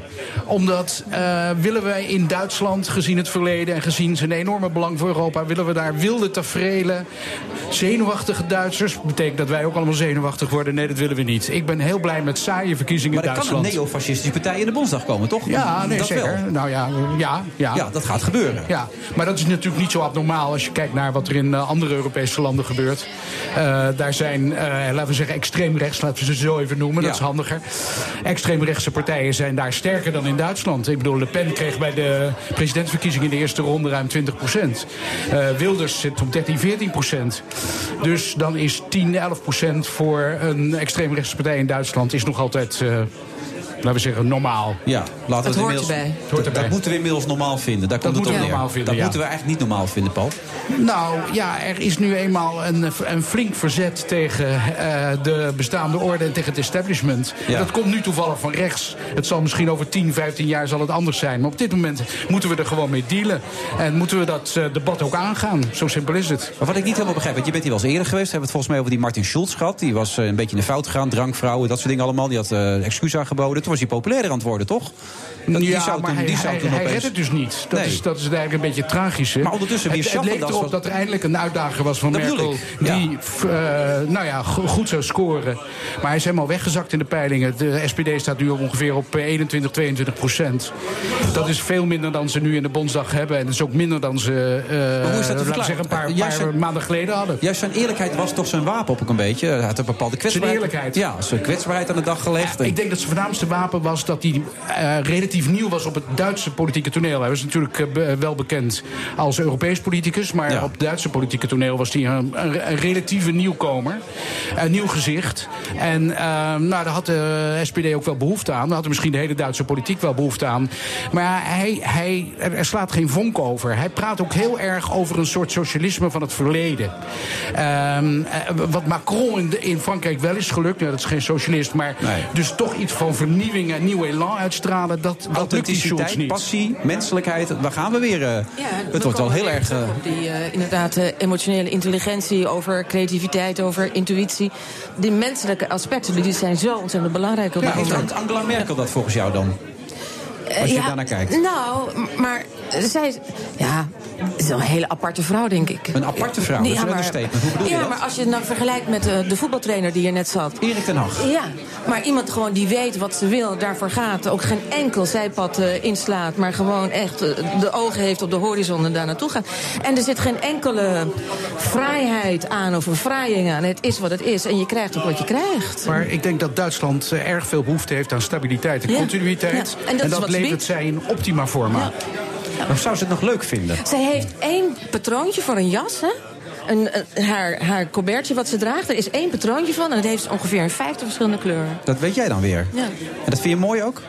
Nou, het valt, mij, nou ja, het valt mij op, maar het is een soort uniform. Daar hoeft ze niet bij na te denken. En dat is wat ze aantrekt. Het Dus valt vooral niet stabiliteit. op. Ja. Het valt vooral niet op. Maar nee. wat- Nee. oh, eigenlijk zeg je gewoon hele saaie verkiezingen. Merkel gaat gewoon weer lekker door. En dat is goed ook voor Europa? Als je Nou ja, dat is, totaliteit eh, eh, kijk, eigenlijk begint de, de spanning komt eigenlijk pas na de verkiezingen. Want dan moet er een regering worden gevormd. Dan moet er dus een coalitie worden gevormd. Want de Christen-Democraten zullen absoluut niet de absolute meerderheid halen.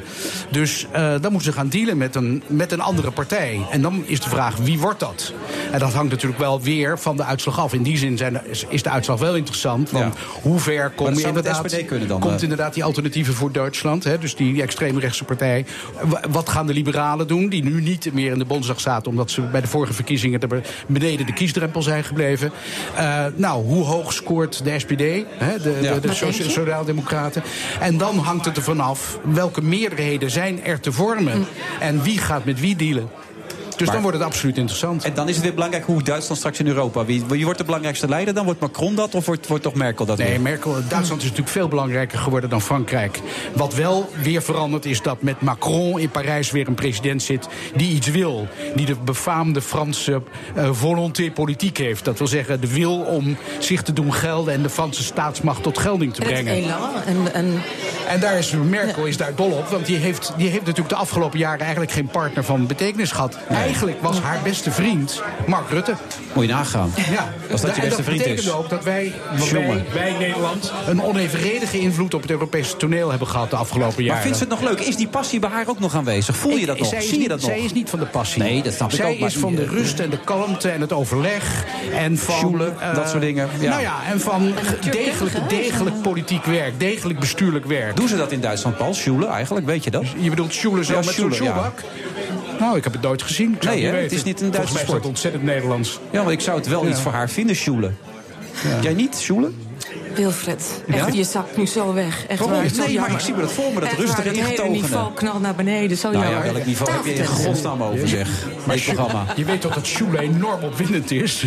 Ja, nou ja, dat, ik- jij geeft aan hoe ze inderdaad nogal ingetogen, saai enzovoort is. Dus Ja. daar voelt haar Sjoelen wel bij passen. Staattafels, en sjoelen. Met wie? Hoe ze het, eh, hoe ze het Ja, kan samenstellen? Hoe, hoe, ver, hoe ver komt ze? Wat, Ja. Welk percentage haalt ze? De, de, de- haar christendemocraten zijn nu heel groot. Ja. Die hebben eigenlijk op een 10, 15 zetels na eigenlijk de meerderheid. Nou, dat zal ze niet houden omdat nu de liberalen weer in de Bondsdag komen. Die waren eruit gevallen. Dat gaat voor een deel ten koste van de Christendemocraten. Maar ze blijft veruit de grootste partij. En dan is de vraag, kan ze met de liberalen een meerderheid vormen? Of moet ze toch ook weer met de SPD gaan dealen? Die dat niet meer zo graag willen. Want hoe je het ook went of verkeerd... de huidige eh, regeringscoalitie is voor de Sociaaldemocraten geen succes. Ze gaan namelijk verliezen. Al dus buitenlandcommentator Paul Bril. Is het, doe je dat nog ergens voor, Paul, eigenlijk? Is het voor de Volkskrant? Of Ik voor... doe het helemaal voor jou, eh, Ja, doe je het voor mij nu?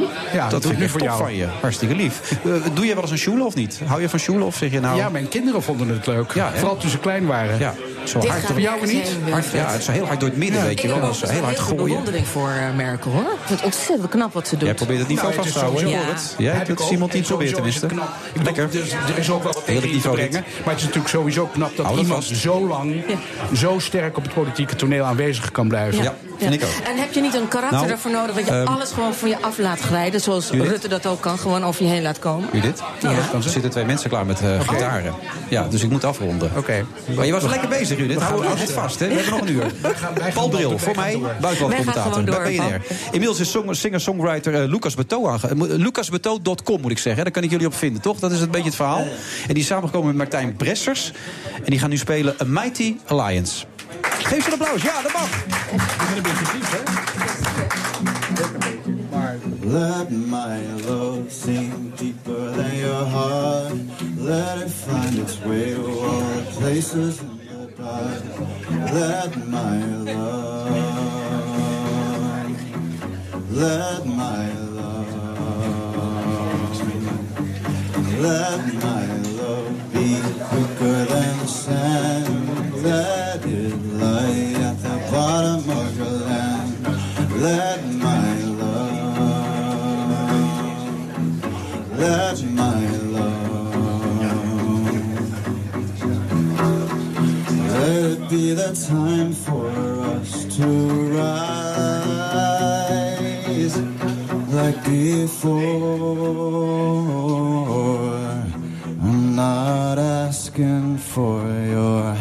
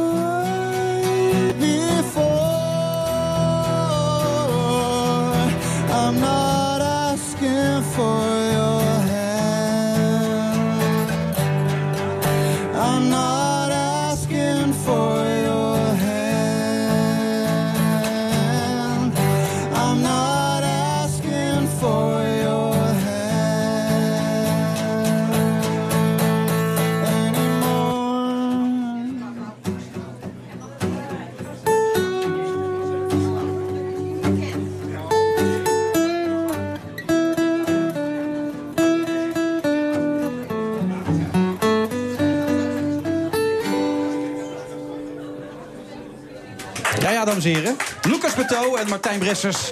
A Mighty Alliance in deze uitzending van de Friday Move. 22 september. Ik wilde eigenlijk zeggen, u kunt nog langskomen. Dat kan eigenlijk helemaal niet. We zitten bij Niesing Advocaat in Utrecht. eh, aan de Malibaan heb ik gehoord, waar fietsen uitgevonden is. Ja, maar dan kunnen mensen toch gewoon langskomen? Ja, kunnen ze wel langskomen? Ja, joh. Gewoon binnenkomen? Tuurlijk, Ja? genoeg kaasstengels. Gewoon zeggen dat je komt voor Judith Osborne en dan Yes. mag u er gewoon in. Tot Ja, zo, hoor. na de reclame. BNR Nieuwsradio.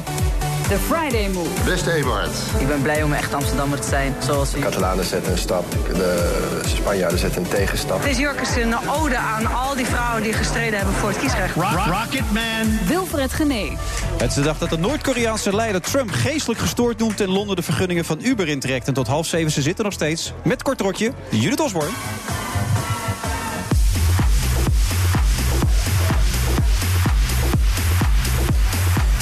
En dat allemaal bij de Friday Move Live vanuit Utrecht. Aan tafel inmiddels VVD-Kamerlid Dennis Wiersma... en politiek commentator Jaap Jansen.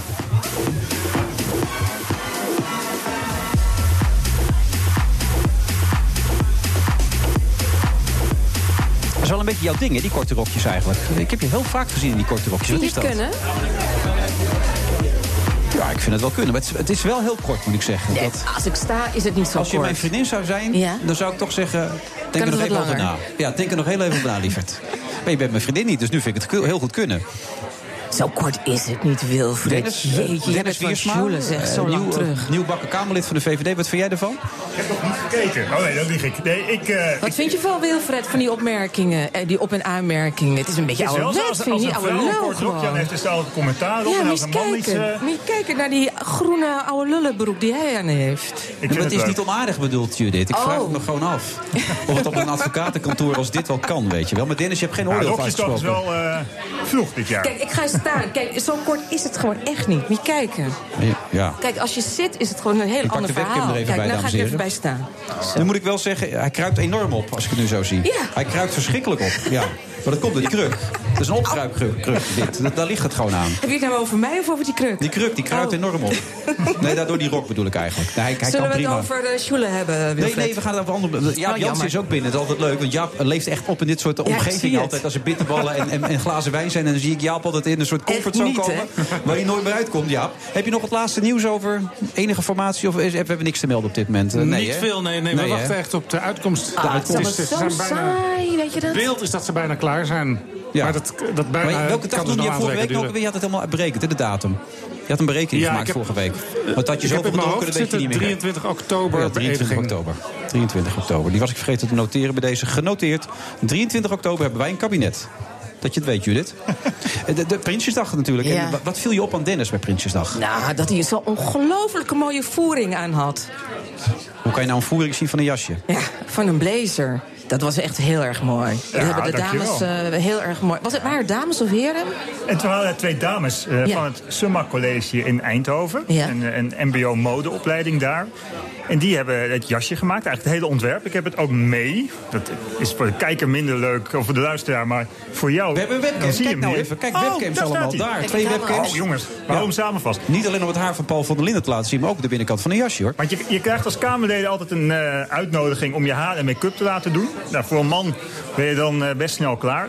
Dus ik zei van, is het niet veel leuker Nou, als je... in jouw geval ben je wel even bezig, hoor. Maar... Nou, mijn haar kost niet heel veel moeite, eh, kan ik je vertellen. En make-up heb ik nog niet geprobeerd. Dus ik dacht, laten we een jasje doen. En dat heb ik eh, gevraagd aan die studenten. En die waren meteen heel enthousiast. Toch Eh, blijf ik erbij dat je het er beter aan de buitenkant kan doen. Want dan Ja. valt het op. Ja. nou, misschien volgend jaar. Maar hij kan het Dat ook, is de je kan het ook keer, hè? binnenste buiten ook dragen, beetje- toch? Je kan het toch ja, ook je kan het dragen? omdraaien. Ja, je kan het omdraaien en dan, dan zie je meteen die hele gouden koets. Want die staat erop.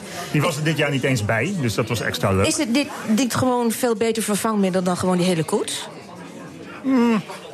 Dat, dat Ja. ze in dit jasje gaan zitten, Ja, de dat we koning doen het gewoon met een, met een voering of inderdaad met een mooie print op een jasje. En dan hoeven we hele, die hele eh, koets hoeven we dan niet. Maar die is voor een heleboel Stuk geld goedkoper. gerenoveerd volgens mij. Maar inmiddels zit Jaap Jans ook bij ons aan tafel. Waar ben je eigenlijk gekomen, Jaap? Of ben je alleen voor die bitterballen en die, en die Goeie- gekomen? goeie vraag. Ja, wat is exact jouw inbreng dat van deze mooi. Ik vind, uitzending? eh, ik vind Dennis een van de leukste nieuwe Kamerleden. Ja? Dus ik vind het gewoon leuk om te zien hoe hij hier eh, zijn waar- best doet waarom vind je- waarom- te profileren. Waarom vind je hem een van de leukste nieuwe Kamerleden dan? Ja, hij is, eh, hij is niet doorsnee. Oh. Hij, dat, het begint al met, hij werkte bij FNV Jong, daar was hij de, de voorzitter van. Ja, maar dan komt hij bij de VVD. De dat VVD helemaal bij de niet? FNV, dat is natuurlijk al heel, Slaat heel nergens op. bijzonder. Nee, dat is Slaat nergens op, inderdaad, Nee. heb je helemaal gelijk in. Nee, ja, hallo. Kan je alleen bij de vakbond zijn als je links bent? Dus Nou, er zijn- er zijn ja. toch ook werkenden die Mensen niet willen links wel zijn, een maar beetje wel weten waar ze aan toe zijn, Dennis, hoor, in moeten het leven. Dus als ze dan opeens zien dat het een VVD blijkt te zijn, denken ze toch van... Zijn hokjes. Ja, dat zijn hokjes inderdaad. Maar laten we wel een beetje weten waar we aan toe zijn. Dus het FNV hoeft niet... Maar het was ook nog zo- de gemiddelde leeftijd was daar 52. Ja. Heel weinig Hoe jongeren. oud was jij toen? Nou, ik, 23, 24. Zo, hé. Dus ik dacht, nou, die jongeren kunnen daar wel een beetje een stem gebruiken. Maar Dus- jij bent anders. Zoals, hij is anders, Jaap. Ja, Zo- en ik kom ook wel eens bij hem op de kamer, op zijn werkkamer op Binnenhof. Want hij heeft namelijk de kamer die het dichtst zit bij de eh, kamer waar de kabinetsformatie plaatsvindt, de stadhouderskamer. Je kunt vanuit zijn raam, als je een beetje uit gaat hangen... maar meestal schuift hij dan snel het raam naar beneden... dan kan ik er niet, niet uit gaan hangen. Dan kun je net een heel klein glimpje van, van die kamer opvangen. Maar verder wil ik niet te veel op doorgaan. Maar waarom ga je naar zijn kamer toe dan? Wat, wat is daar de Nou gedachte ja, ik, ben natuurlijk altijd, ik ben natuurlijk altijd op zoek naar nieuw nieuws. En ik wil weten hoe, hoe dat zit met die formatie. Maar jij loopt kamers langs dan gewoon. Die bel je aan, klop je aan en je gaat er binnen en zo. Ja, dat, dat, Echt waar? Werkt dat heet, zo? Dat heet stofzuigen. Dan, die- dan lopen we echt stofzuigen door de gangen... en dan proberen we snippertjes nieuws tot, Maar die zijn ook- eigenlijk tot, tot een verhaal te Dat maken. kan ook, hè? Want al die kamers in de, in de Tweede Kamer zijn dus open. Daar Ja. zit er geen sloot op. Dat, dat, dus een Jaap kan bij elke kamer s'avonds, als wij er niet zijn, even naar binnen. Maar dat even- mag eigenlijk nee, niet. maar ik kijk natuurlijk wel... Ik ga alleen naar binnen als je er bent. Oké. Nou, dat is een hele Dat geruststelling. zegt hij. Ja, dat zegt Ja. hij. Ja. AOW-debat, daar moeten we het even over hebben. Eh, mensen met een eh, lagere opleiding moeten la- vaak langer doorgaan dan mensen met een hoger opgeleid. Waar- waarom is dat precies, Dennis? Kun je het even uitleggen voor de mensen die dat niet begrijpen? Nou AOW is voor iedereen. Dus Ja. of je überhaupt eh, gewerkt hebt, hoeveel, maakt eigenlijk niet uit. Iedereen krijgt AOW. Er was alleen een probleem natuurlijk afgelopen jaren... dat we steeds meer ouderen krijgen die die AOW eh, nodig hebben. Ja. En steeds minder werkende jongeren die die AOW moesten betalen. Dus toen is die AOW meegegaan met de levensverwachting. Op zich heel logisch.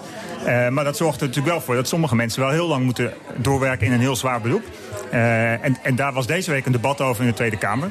Eh, hoe je dat nou eigenlijk beter moet kan doen. Maar jij als voormalig linkse jongen, hoe sta jij daar dan in?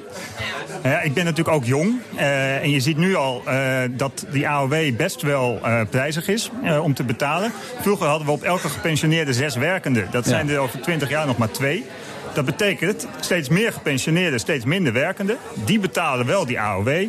Dus dan moet je iets doen om dat betaalbaar te houden. Anders hebben nou, ja, onze kinderen en kleinkinderen uiteindelijk geen AOW meer. Er zijn partijen, 50PLUS heeft daar in de campagne heel veel mee gedaan. Die zei eigenlijk, die leeftijd moet weer naar beneden.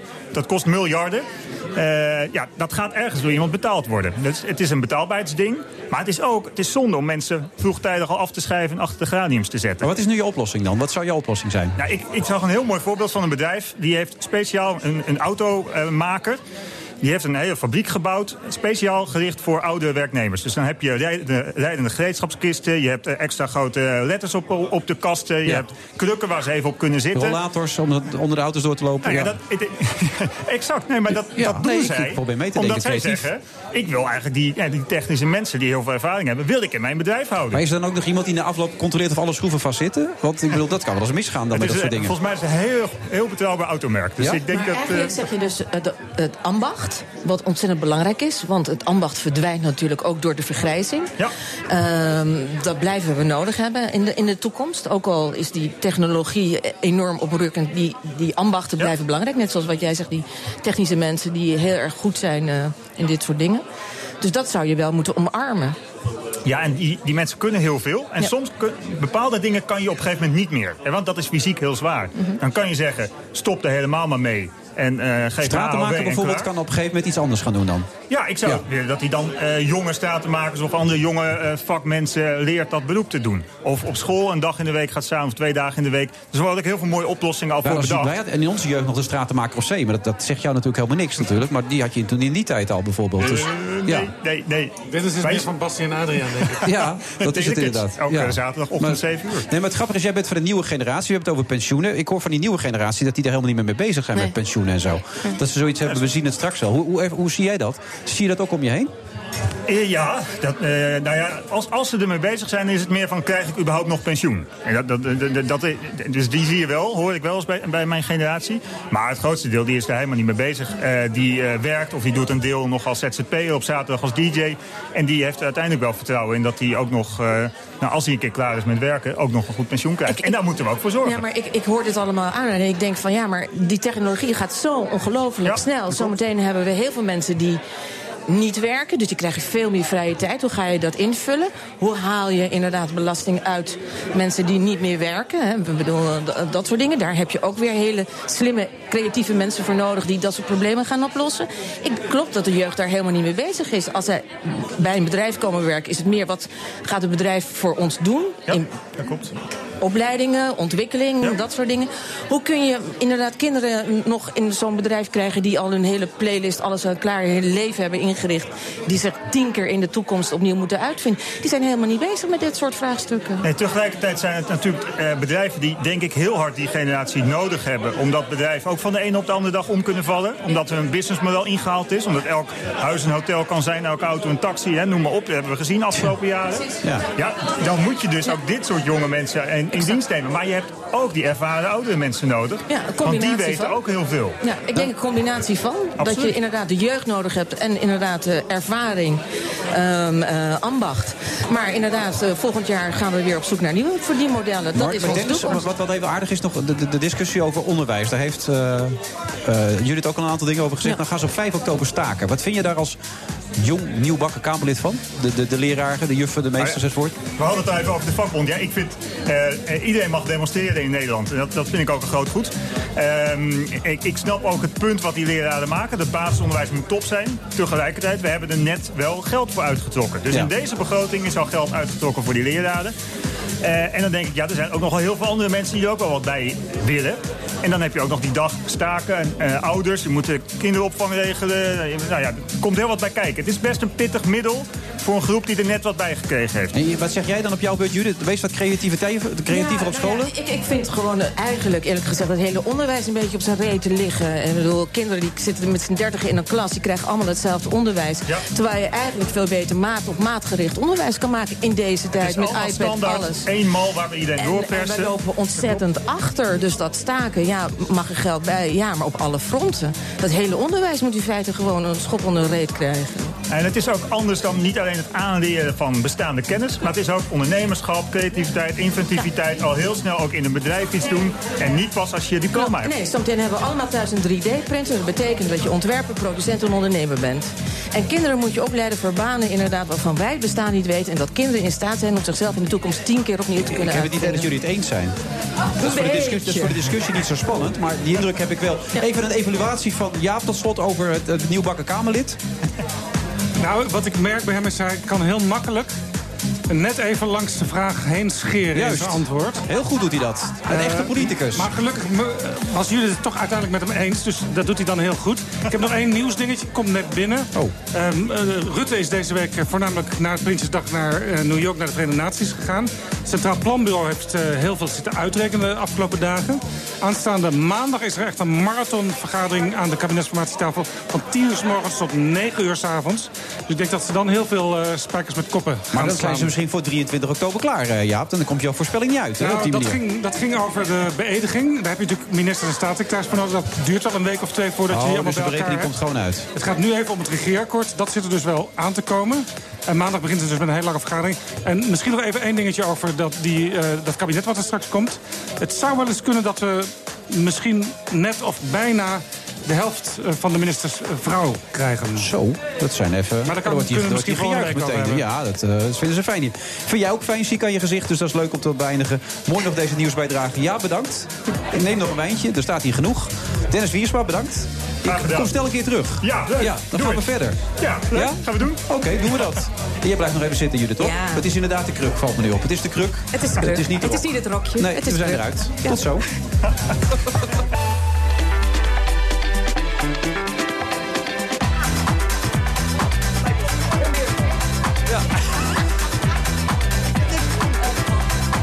dames en heren. Leuk dat u luistert. Dit is de Pride Move vrijdag 22 september. En we zijn in het achtergekomen dat uw presentator een beetje melig is.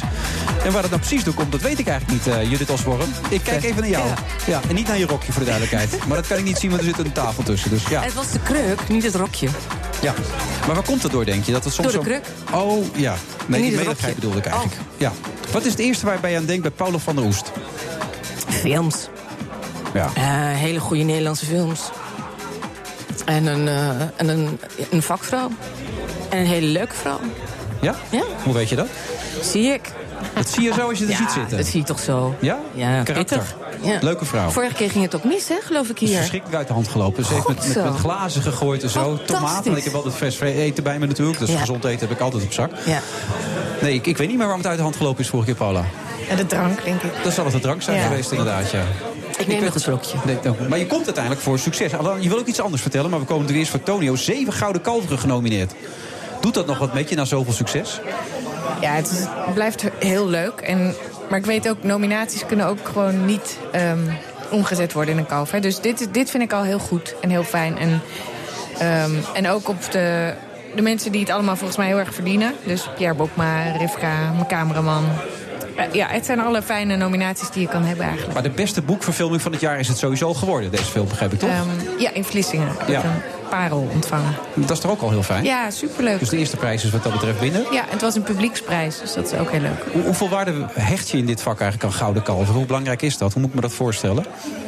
Ja, Ik heb ooit iemand hem uit het raam zien gooien en zo. Maar dat was Ja. een, een momentopname, denk ik ook. Nou ja, ik, het is hartstikke leuk. Aan de andere kant is het ook wel heel moeilijk vergelijken. Al die films zijn totaal verschillend. En je, en je moet er wel één prijs voor geven. Dus dat blijft altijd vreemd. Dat appels en peren gevoel, zeg maar. Ik weet dat eh, Woody Allen altijd klarinet gaat spelen in de club... in plaats van eh, naar de Oscars gaan. Ja, maar dat doe jij niet. Je gaat Eh, wel. nee, ik speel geen klarinet. En ehm, ik ga toch wel, ja.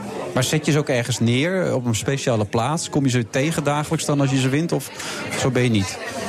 Ik heb er twee. Ja. Ehm, en die staan een beetje onder in een... Wel een, gla, een kast met een glazen deur. Dus Maar er staat die parel hoger al uit Vlissingen, of? de Nee? parel ligt nog op tafel, ja. Die ligt er op tafel. Maar wat staat dan hoger opgesteld dan? Ehm, eh, glazen borden en eh, foto's. Oké. Ja. Stel eens een goede vraag, Wilfred. Nee, maar ik probeer me gewoon even in te beelden hoe belangrijk een prijs is. Ik schijn nu genomineerd te zijn voor de televisiester, weet je wel. Dan denk ik, Ja. nou, best spannend. Ja. Maar wat doet het met je? Dat is de vraag natuurlijk doet het altijd. met Ja, nou ja, dat weet ik nog niet. Ik ben nog niet eens bij de laatste drie, dus, maar dat maakt niet uit. Maar ik probeer me dat voor te stellen, wat, wat, wat dat met je kan doen. Ik, ik wilde graag de film zien, maar ik kan het niet aan. Dat meen ik serieus. Ik had het boek gelezen. En dat heeft me zo geraakt, dat boek. Oh, Ook ja. omdat ik zelf vader ben van twee kinderen, dat ik het niet aandurfde. Nee, dat snap ik. Eigenlijk is twee op de drie mensen die ik tegenkom zeggen dat. Dus nu zijn er best wel veel mensen naar de film geweest. Maar het hadden er denk ik wel drie keer zoveel kunnen zijn. Ik denk wel, als je gaat... eh, ik kwam laatst Thomas Akda tegen hetzelfde verhaal. Maar die ging toch kijken, omdat hij ging, moest stemmen. Ja.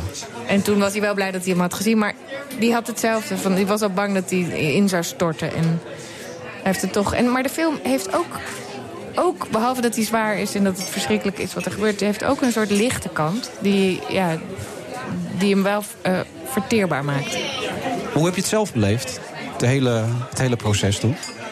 Nou, was wel, dat was wel heel intensief en heel ehm, vreemd, schizofreen. Dus we draaiden, we draaiden in Amsterdam op allemaal plekken waar de echte Tonio was geweest. En ook op de plek bijvoorbeeld waar die is verongelukt. Dat, Ja. was, dat was zo raar. We stonden er, we maakten zeg maar fictie van iets wat echt gebeurd was. En het is dan een grote vervreemding. Ehm, eh, de schrijver, Adrie van Heijden en zijn vrouw...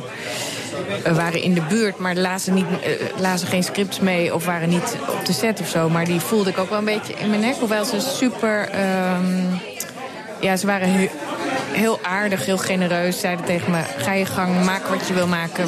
Eh, we geloven erin. En ga je, eh, dus we, gaan niet eh, elke centimeter volgen. En dat was heel fijn, maar, maar ja, het is wel over hun zoon die is verongelukt. En dat maakt dat het toch heel beladen was. En voor de acteurs was het ook best pittig. Voor jezelf de moeilijkste van allemaal die je ooit gemaakt hebt? Of? Ja, denk ik wel, ja. ja. En dan heb je opeens de strijd die... Wat heb jij gemaakt in totaal? Hoeveel? Ja? Ehm, ja, ik geloof nu 13 lange films, ja. Dat vind ik heel bijzonder hoor. Om in. Nederland, ja, precies. Ik vind dat nog belangrijker. De prijs is wel heel erg mooi. Maar ik, ik heb ontzettend veel bewondering gewoon voor het feit dat je 13 en ook deze film weer gemaakt hebt. Want dat is helemaal niet makkelijk in Nederland. Het doorzettingsvermogen, alles wat je ervoor nodig hebt. Ja. ik vind het. Ja, ik heb er Je zit helemaal te blozen bijna. Ja, ja.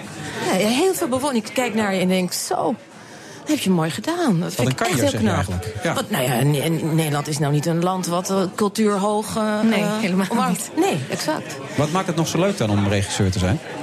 Oh ja, ik, ik denk dat ik wel echt heel gelukkig ben als ik sta te regisseren. Het is, ja, ik kan alleen maar een beetje cliché dingen zeggen erover. Want, maar het is echt waar, als je met z'n allen iets maakt... Wat, wat dan opeens, weet je, door iedereen zijn inbreng wordt het alleen maar meer. Ehm, en ook bij Tonio gebeurden allemaal toch magische dingen. En dan is het zo'n fijn proces. Het is bij- ook een beetje verslavend, denk ik. Ehm, Zou je niet naar Amerika willen? ja, dat wil ik ook wel. Maar ik realiseer me wel dat ik hier best wel veel vrijheid heb als ik iets maak. Dus er zijn niet allemaal mensen die ehm, zeggen van... nee, er moet, moet hele andere muziek onder. Of oh nee, we gaan, die, we gaan Pierre Bokma helemaal niet casten. Want wie kent hem nou? Om maar even, hè, mensen kennen hem wel natuurlijk. Maar bij wijze van spreken. Dat gaat daar, is daar een, veel meer aan de hand. En als regisseur ben je eigenlijk onder de producent. Dus de producent is degene die de beslissingen neemt. Behalve als je Woody Allen heet, of Steven Soderbergh, of Ang Lee. Maar nou ja, dat zou het niet zijn natuurlijk. Dus het heeft ook met een mogelijkheid daar te maken voor jezelf. Of je dat Ehm, jezelf kan aandoen dan ja, eigenlijk. ik ga het heus wel proberen. Ik bedoel, ik ben wel eh, een beetje bezig. mm, Maar Nou, een beetje verliefd kan ook niet, een beetje zwanger kan niet. dus een beetje bezig kan ook niet. Een beetje bezig betekent, eh, ik ben aan het verkennen. Laat, ik- laat Oh, ik je het bent aan het daarop houden. verkennen. Maar de ambitie is het dus wel. Eh, ja, maar ik weet niet of het ambitie is of gewoon ook nieuwsgierigheid. En dat ik dan met een, weer een heel andere eh, pool aan acteurs kan werken. En misschien een groter bereik. Al die dingen. En Eh, wat kun je vertellen over je nieuwste film dan, De Kleine IJstijd? Ja, Kleine IJstijd was, een, was na Tonio was best wel lastig. Een soort wat nu gevoel, maar eh, eens in de zoveel tijd schrijf ik mijn eigen script. Dat was bij Tonio niet het geval. En ehm, eh, ik had het plan opgevat om voor een aantal bevriende actrices in de eerste instantie, eh, Ariane Sluter, Monique Hendricks, een film te schrijven. Maar dan gewoon op eigen, zeg maar op eigen gelegenheid, zonder filmfonds, zonder iemand erbij. En het werd een soort eh, guerrilla-film. En zij vonden dat heel leuk, dus ik begon te schrijven. Ze hadden eh, tijd vrijgemaakt in de agenda. Het werd een film een beetje, beetje geïnspireerd op The Big Chill. Een groep vrienden die komt bij elkaar om de as te verstrooien van, van hun vriend die is overleden. En ehm, nou, er kwamen meer acteurs bij. De tijd begon te dringen. Ik, kwam, ik dacht, oh, dat ga ik niet redden. Er kwam Rivka Lodijs erbij als scenario-schrijfster. Was, die super getalenteerd. Echt heel goed. En we hadden een script en we zijn eind september vorig jaar gaan draaien... in tien dagen met tien acteurs. In tien dagen? In één huis. Dus het was echt een guerrilla-project. Klinkt En- goed. En op het 19 is- oktober komt hij hier? 19 oktober gaat hij Ja. uit. Het is een comedy, je mag er zo om lachen. Een vriendenfilm. Dus een beetje, beetje drama, maar ook En dat vooral... heb je geheel op eigen kracht onafhankelijk gedaan. Ja, maar toen kwam er wel even de NTR aan boord. Ja. Eh, en ehm, we hebben nog een klein beetje, eh, zoals dat heet, afwerkingsgeld van het Filmfonds gekregen. En, maar het is voor minimaal... Heel knap. Maar het is een topfilm geworden. Ja. Hij is heel leuk. Ja. Ja. eigenlijk moet ik wel, mijn producent zegt altijd... het publiek heeft daar niks mee te maken. Maar goed, ik schets even hoe die tot stand is gekomen. Maar het Ja. is gewoon een echte film, speelfilm. Kleine. Even een klein dingetje, je hebt het over vrienden. Hoe is dat in die, in die filmwereld, in de, in de televisiewereld? Zijn we allemaal vrienden van elkaar? Iedereen vindt elkaar aardig, iedereen deelt alles met elkaar. Nu moet je het tegen opnemen tegen Brimstone, hè? Ja. Martin Koolhoven. Is dat dan een harde concurrentie of zeg je nou, ik gun het hem van harte wat hij ook pakt? Ik gun het hem heel erg. Hij heeft zeven jaar of misschien Oh, nog langer ja. aan die film gewerkt. En hij is. Weet je, ik, ik ben een beetje van met hagel schieten en heel veel projecten tegelijk. Hij heeft echt op, aan één ding heel lang gewerkt. Voor mij mag hij heel veel prijzen hoor. Oh, als je praat over doorzettingsvermogen. Ja, Bewonderenswaardig. Absoluut, Echt, chapeau. Diepe buiging. Ook mooi dat jullie er zo in staan, want zo moet het eigenlijk zijn. Je moet elkaar dingen kunnen gunnen in het leven, Ja, toch? Daar tuurlijk. gaat het om. Ja. Maar toch zou ik het leuk vinden als jij er ook een paar hebt. Zo ben ik ook alweer. Een beetje verdelen onderling. Ja, nou, liep een stuk beter dan de vorige keer, Paula, toch? dit gesprek. Ik heb me heel goed Ja, nou, ik ook. Dus dan hebben we het allebei heel goed gedaan. Ja. Mensen denken ook echt dat het echt gebeurd is. Dat is het leukste er ook altijd aan, hè? Ja, fake nieuws hè? Ja, fake nieuws. Ja.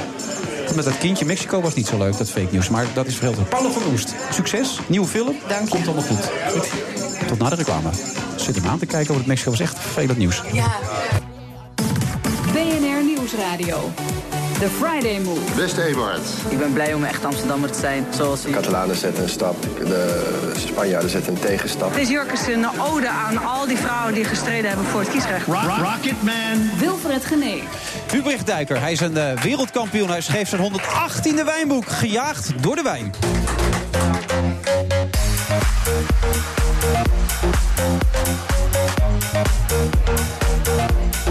En dan zitten we verdorie alweer in het laatste half uur van deze uitzending van de Friday Move vanuit Utrecht... met nog steeds de beats van DJ Thomas Robson.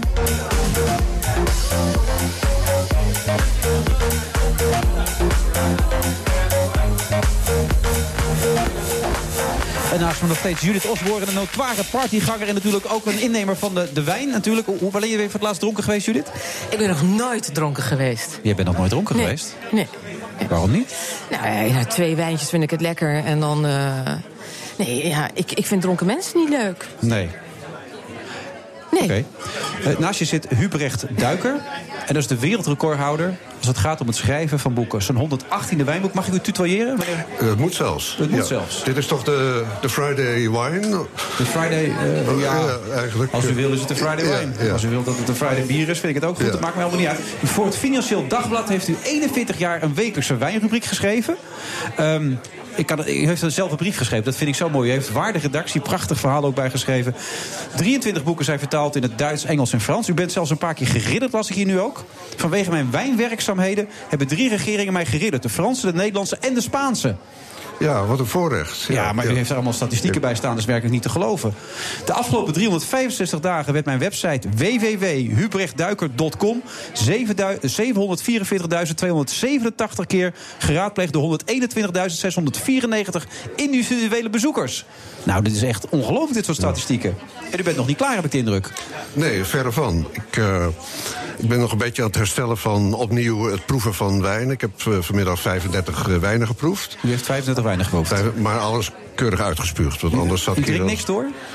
Nee, alleen bij het eten samen, maar bij het Ja? proeven dus nooit. Nee. Oké. En dan hou je het ook zo lang vol?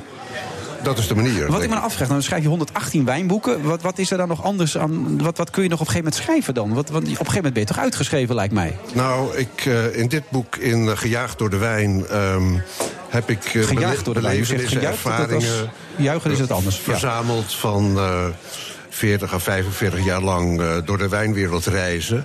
En alle mogelijke, soms legendarische wijnmensen ontmoeten. Eh, ik laat de lezer dus ook meegenieten van maaltijden, van proeverijen... eh, van anekdotes, van gelukkige of ongelukkige gebeurtenissen. Het is een boek om ja, echt glimlachend, met een glas wijn, liefst natuurlijk, van te genieten. Er staan allemaal prominenten. Wat, wat, is wat heeft nou het Eh, meeste indruk nou, op u gemaakt? Met eh, Prins Bernhard, bijvoorbeeld baron Eric de Rothschild. Waarom Prins Bernhard? Ja, Prins Bernhard was een groot eh, wijnliefhebber. Hij komt twee keer voor. hij was een liefhebber van meedingen. Ehm, hij kreeg dus ook eh, een beroemde witte Bourgogne altijd toegezonden. Uh, Coton de Charlemagne. En hij was aanwezig op een proeverij van Chateau Mouton Rothschild. Eh, een levensgenieter. En hij staat erop dat, terwijl hij net mijn, eh, mijn Bourgogne boek ontvangen heeft.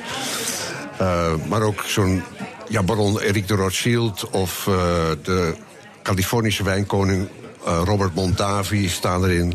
Ook Freddy Heineken zie ik hier nu. en Freddy, geciteerd. Fre- Freddy Heineken. Ja, dat was een hele alerte man. Ik, ik heb een anekdote erin staan. Dat hij op bezoek kwam bij een van zijn directeuren. Die directeur klaagde maar over zijn nieuwe villa... waar hij geen, geen serre mocht bouwen. En na afloop werd aan iedereen gevraagd... wat wil je drinken? Nou, alle mensen riepen bier. Maar Freddy Heineken zei... geef mij maar een sans serre. Hij hield niet zo van bier ook, begreep ik toch? Hij dronk ook graag whisky Nou, hij en dat dronk soort heel, dingen. nou ja, hij dronk ook heel graag wijn. Uh, vaak uh, Ja. Fumé. Uh, Oh, is lekker. Het is een beetje door die schelpjes komt dat toch, heb ik begrepen. ja, door de kalkhoudende grond. Ja, ja, ja, Die is lekker, hè, de poeifumeé. Ja, ook die. Ik ben ja. groot liefhebber van de poeifumeé. Meer dan 3 miljoen exemplaren zijn er verkocht. Ik zet er nog wel even wat, wat Van die statistieken- Nee, van die boeken. Oh. Ja. Maar ook in Brazilië, China en Rusland is het boek uitgebracht. Zijn Ja. boeken uitgebracht. Ja, ja, ja. En uw lichamelijke leeftijd is 75 jaar. Wat bedoelt u met uw Nou, lichamelijke de leeftijd? lichamelijke is enkele decennia minder. Ongeveer 40, 45, denk ik. Oh, oké, Ja, dat scheelt. ja. Wat, wat, wat, Ja. wat is nu nog uw droom dan? Wat zou u nog graag willen? Want als je al zoveel, zoveel boeken hebt uitgebracht... er- Ja, ik, ik heb denk ik op dit moment geschreven wat ik wilde schrijven. Hoewel, ja, er komen allerlei dingen op mijn pad. En ik reis echt heel veel en ontdek nog steeds... eh, ja, mooie wijngebieden, heerlijke wijnen, aardige mensen. Eh, ja, Bent u nog creatief? ik ben nog eh, volop... eh, Wanneer ben jij creatiever? Met een paar glazen wijn op of, eh, of één? Nee, de, de creativiteit is discipline. Ja? Dus gewoon s ochtends eh, schrijven, het witte papier invullen. Ja, maar soms is het ook gewoon even lekker En- onfocus, één glaasje ja, wijn. ja. Nee, ik kom geen wijn tekort in mijn leven. Maar dus- wel even wel genoeg bij bewustzijn om productief te zijn. Ja, ja, ja. ja maar ik, ik, ik drink heel graag wijn. Misschien ook iets meer dan het landelijk gemiddelde. Waar moet ik aan Eh, denken dan? Ja. Maar niet als ik eh, zit te Nee, schrijven. hoeveel glazen? Hoeveel glazen drinkt u per Nou, dag? ehm, voor mannen geldt vier glazen per dag als...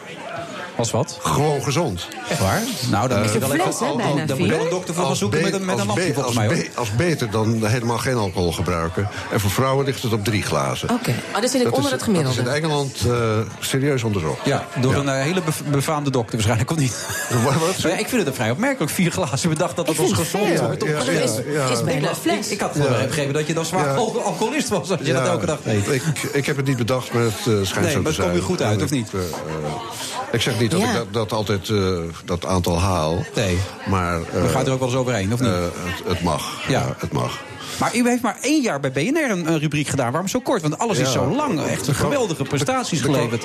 Er kwam een nieuwe redacteur. Dus En de wijn kan hier ook echt George beter. Freulich zeker. eh, gejaagd door de wijn, werd Oh, nee, weggejaagd als het ware. Nee, Ja, dat maar is, dat is de anders. wijn Die kan hier Paul ook was dat nog. Paul, hoe heet de Paul ook alweer? Bij BNR. Paul. Paul van Gessel. Paul, nee, die van Liemt, dat is die interviewer. Die drinkt ook een partij wijn en zegt, nou, nou, nou, nou. Ja, die komt er naast zijn Nou, schoenen. Nou, die wil niemand aan hebben. Dat is een leuke gozer, hè, die Paul? Ja, absoluut, ja, absoluut ja, inderdaad, ja. Maar eh, waar komt dit vandaan eigenlijk? Deze liefde voor de wijn en het schrijven erover? Want dat vraagt me Ja, dan toch af. ja, op een gegeven moment raak je ge- gegrepen door de wijn. Waarom? Eh, ehm, nou, het gebeurde bij mij eh, enerzijds door te lezen. Daar staat ook ergens achter in Gejaagd door de Wijn. Toevallig een Engels tijdschrift zien dat in Amsterdam was verkocht. Dat heette Wine and Food. En daar werd op een andere manier over wijn geschreven dan in Nederland. In Nederland was het de barokke taal met... eh, die gewone mensen, eh, gewone wijnliefhebbers, meteen een minderwaardigheidscomplex gaf. Want dit zal ik nooit kunnen proeven. Te maar daarin werd, helder over wijn geschreven en een beetje tong-in-cheek. Dat moet altijd leuk zijn, vind ik. Het is een ontspannen product. En ik ben toen heel veel van die Engelse gaan eh, auteurs gaan lezen, boeken kopen. En de tweede was dat ik een keer van mijn vrouw voor mijn verjaardag een fles wijn kreeg. We dronken altijd Pinard en dat soort dingen. Eh, dat was een mooie Bordeaux uit 1959. En eh, die dronk ik en ik ruik die wijn nog steeds. Beetje viooltjes, wat fruit, mysterieus. En toen begreep ik voor het eerst dat mensen lyrisch over wijn konden schrijven. Überhaupt over wijn konden schrijven. Wat was dat boeiend en wat Maar was dat is dat dan toch lekker. de onvermijdelijke vraag. Is de liefde uiteindelijk groot geworden voor de wijn of voor uw vrouw? Eh, ik, ik- het is een prachtige combinatie, denk ik. Ja, zelfs. het ja. gaat heel goed samen. Ja, ja, maar een ja. keuze maken lukt u niet. En wit of rood? Wit of rood? Nou, eh, of rosé of mousserend. eh, eh, er zijn ontzettend veel lekkere wijn op de wereld. En het is heel moeilijk eh, kiezen. Het hangt van het moment af. Het gezelschap, de maaltijd. Dus eh, het is ook heerlijk om te kunnen kiezen. Dat kunnen we in, in, in Nederland eh, als geen ander land bijna in de wereld. U deed dat netjes trouwens. Sonja Barend zat ooit een man die moest kiezen tussen zijn auto en zijn vrouw. Toen koos hij voor zijn auto, live in de uitzending. Is nooit meer goed gekomen. U noemde trouwens het boek Gejuicht door de wind. Maar u bedoelt Gejaagd door de wind, dat is het boek. Maar Gejuicht door de wind zou de nummer 119 kunnen worden, toch? Wie weet, Ja, wie weet. Ja. gewoon dat je Ja. juichend door het leven gaat... omdat je dan denkt door de wijn. Ik zal vanavond dus een inspirerend glas drinken. Gejaagd door de wijn. Het is een prachtig boek geworden. Dank je vriendelijk. Complimenten ermee. En op naar de volgende zou ik zo zeggen. U bent pas 75, dus het leven gaat nu Ja, pas beginnen. is- ja, dankjewel. Gejaagd Ja. door de wijn. Ubrecht Duik, bedankt. Tot zo, eh, eh, Judith. Blijf je nog even? Ja, nee, ik blijf nog wel even fijn. zitten. Heel goed, tot dan. Dag. Neem een wijntje anders.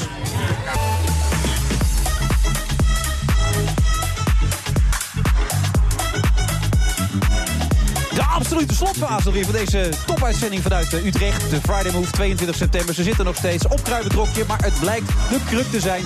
Judith Osborne. We gaan echt eens naar Rob Jansen. Die zit in onze studio, onze ingetogen studio. Ik ga het iets rustiger aan doen. In Amsterdam zometeen voor Beurswatch. Ja, ja zeker. Ehm, ik wil van mijn eh, gasten vanmiddag eh, vanavond weten hoe zij aankijken tegen de verkiezingen in Duitsland dit weekend.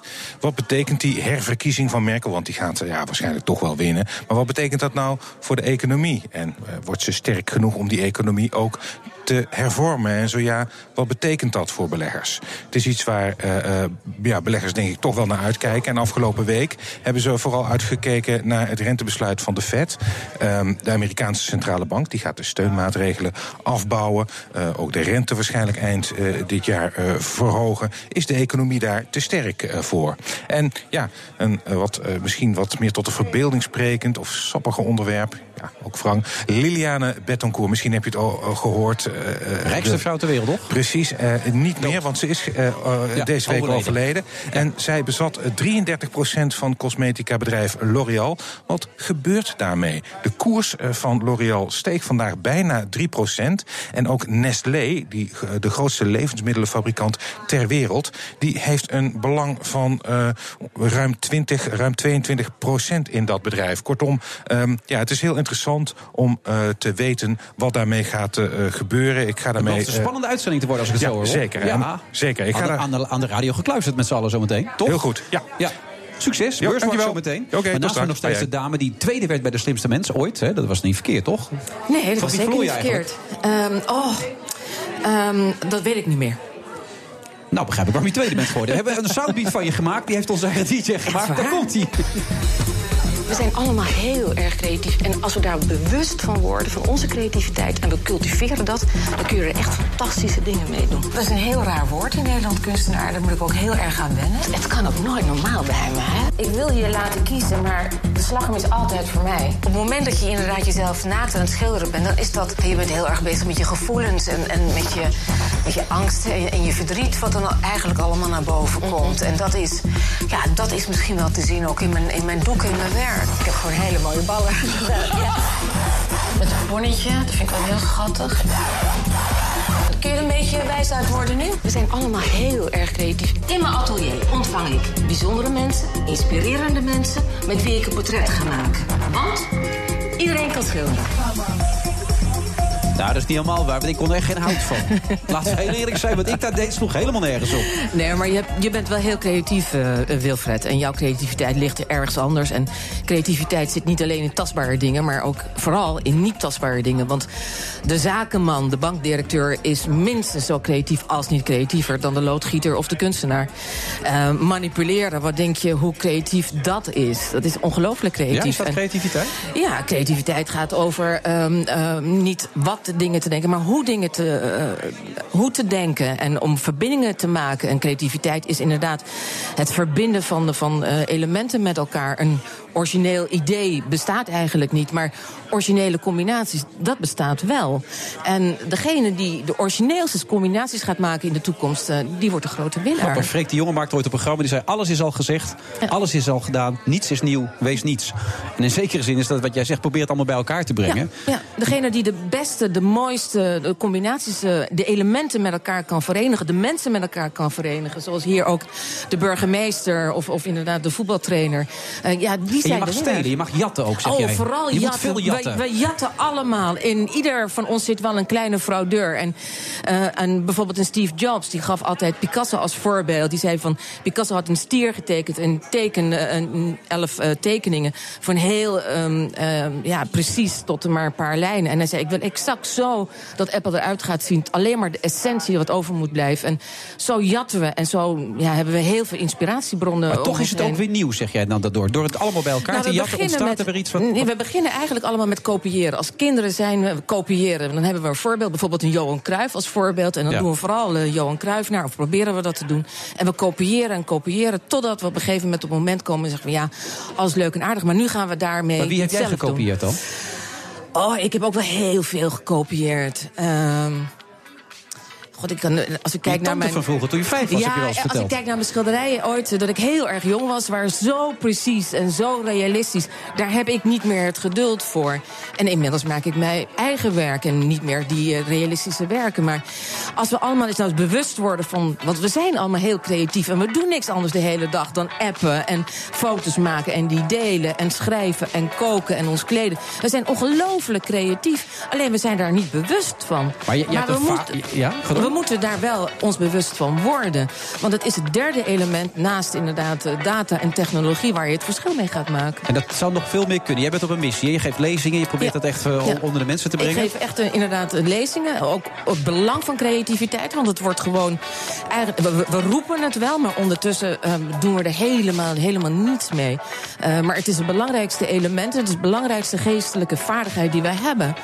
Creativiteit en, en onze menselijke aspecten wij, ja, dat is waarom jij dit doet. Dit is heel creatief wat jij doet. Het is een andere Ik creativiteit. doe maar wat ik- hoor. Eigenlijk is heel eerlijk. Ik doe maar wat. Wilfred, ik geloof daar geen Ik doe echt maar wat. van. Maar dat maakt het vaak zo leuk als je maar wat doet. Ja, maar je buigt dat wel uit en je benut dat wel, wat jouw talent is. Dat is Oh. wel wat je doet. Ja, regelen en onregelen. Zullen we even gaan dat dansen? onregelen. Zullen we? Nee, dit nummer, man. Wat dacht je van sjoelen? Get Lucky, man. Dat is zo fantastisch. Dat heeft hij, heeft speciaal Ja. nog even voor mij opgezet... zo aan het einde van deze topshow. Oh, Nile Rodgers, over creatief gesproken. Oh, wat een koos is dat, zeg. Hey, die was laatst in Nederland. Je gaat van Daft Punk tot Niet normaal. In Excess Maar tot vroeger Good Times en dat soort nummers allemaal. waanzinnig. Ja.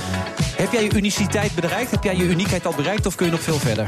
Oh, ik kan veel verder en ik wil veel verder. Stel je voor dat ik het nu al bereikt zou hebben. Ja. Het zou heel saai zijn en daar zijn wij niet voor. We gaan nog keihard door, Judith. Goed dat je er was. Ah ja, ogen dicht en gas geven. Ja, dat doen we. Vol gas. Op naar de volgende show zijn we er weer volgende week. Met een nieuwe show van de Friday Movie. Dank jou hartelijk. En Heel graag gedaan. En jij bedankt. ja, ook namens mijn vrouw. Tot volgende week. Dag.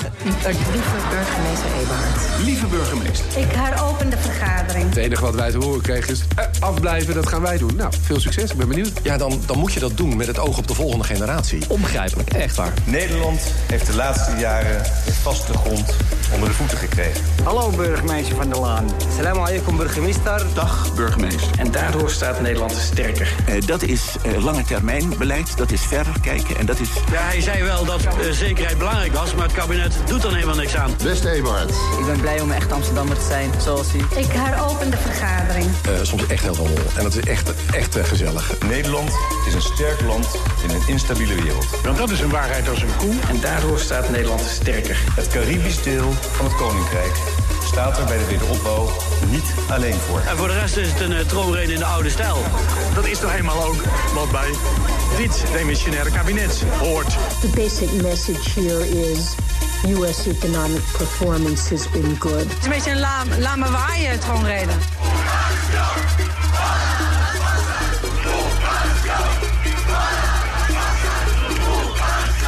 Rocketman. De Catalanen zetten een stap, de Spanjaarden zetten een tegenstap. En zo dansen ze een beetje om elkaar heen totdat het eh, echt 1 oktober wordt. Dat is dus eigenlijk ook een beetje de frustratie van, van Catalonië. We will have no choice but to totally destroy North Korea. En als je er dan mee ophoudt, dat, eh, ja, dat is even wennen. The Friday Move wordt mede mogelijk gemaakt door TUI. Discover your smile. Hoi, Bob Snoer hier van Salesforce. Ontdek het nieuwe seizoen van Aanjagers. Patrick Willer en ik spreken iedere aflevering inspirerende gasten over verschillende thema's zoals leiderschap, diversiteit en innovatie. Luister Aanjagers via je favoriete podcastplatform Aanjagers. De podcast voor mensen die durven te veranderen.